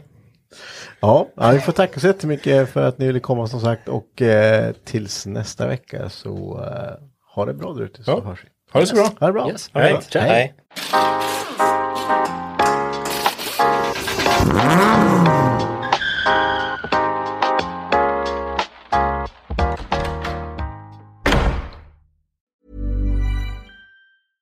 Hey, it's Paige DeSorbo from Giggly Squad. High quality fashion without the price tag. Say hello to Quince. I'm snagging high-end essentials like cozy cashmere sweaters, sleek leather jackets, fine jewelry, and so much more. With Quince being 50 to 80% less than similar brands. And they partner with factories that prioritize safe, ethical, and responsible manufacturing. I love that. Luxury quality within reach. Go to quince.com slash style to get free shipping and 365 day returns on your next order. Quince.com slash style. Imagine the softest sheets you've ever felt. Now imagine them getting even softer over time. That's what you'll feel with Bowl and Branch's organic cotton sheets. In a recent customer survey, 96% replied that Bowl and Branch sheets get softer with every wash. Start getting your best night's sleep in these sheets that get softer and softer for years to come. Try their sheets with a 30-night guarantee. Plus, get 15% off your first order at bowlandbranch.com. Code BUTTERY. Exclusions apply. See site for details.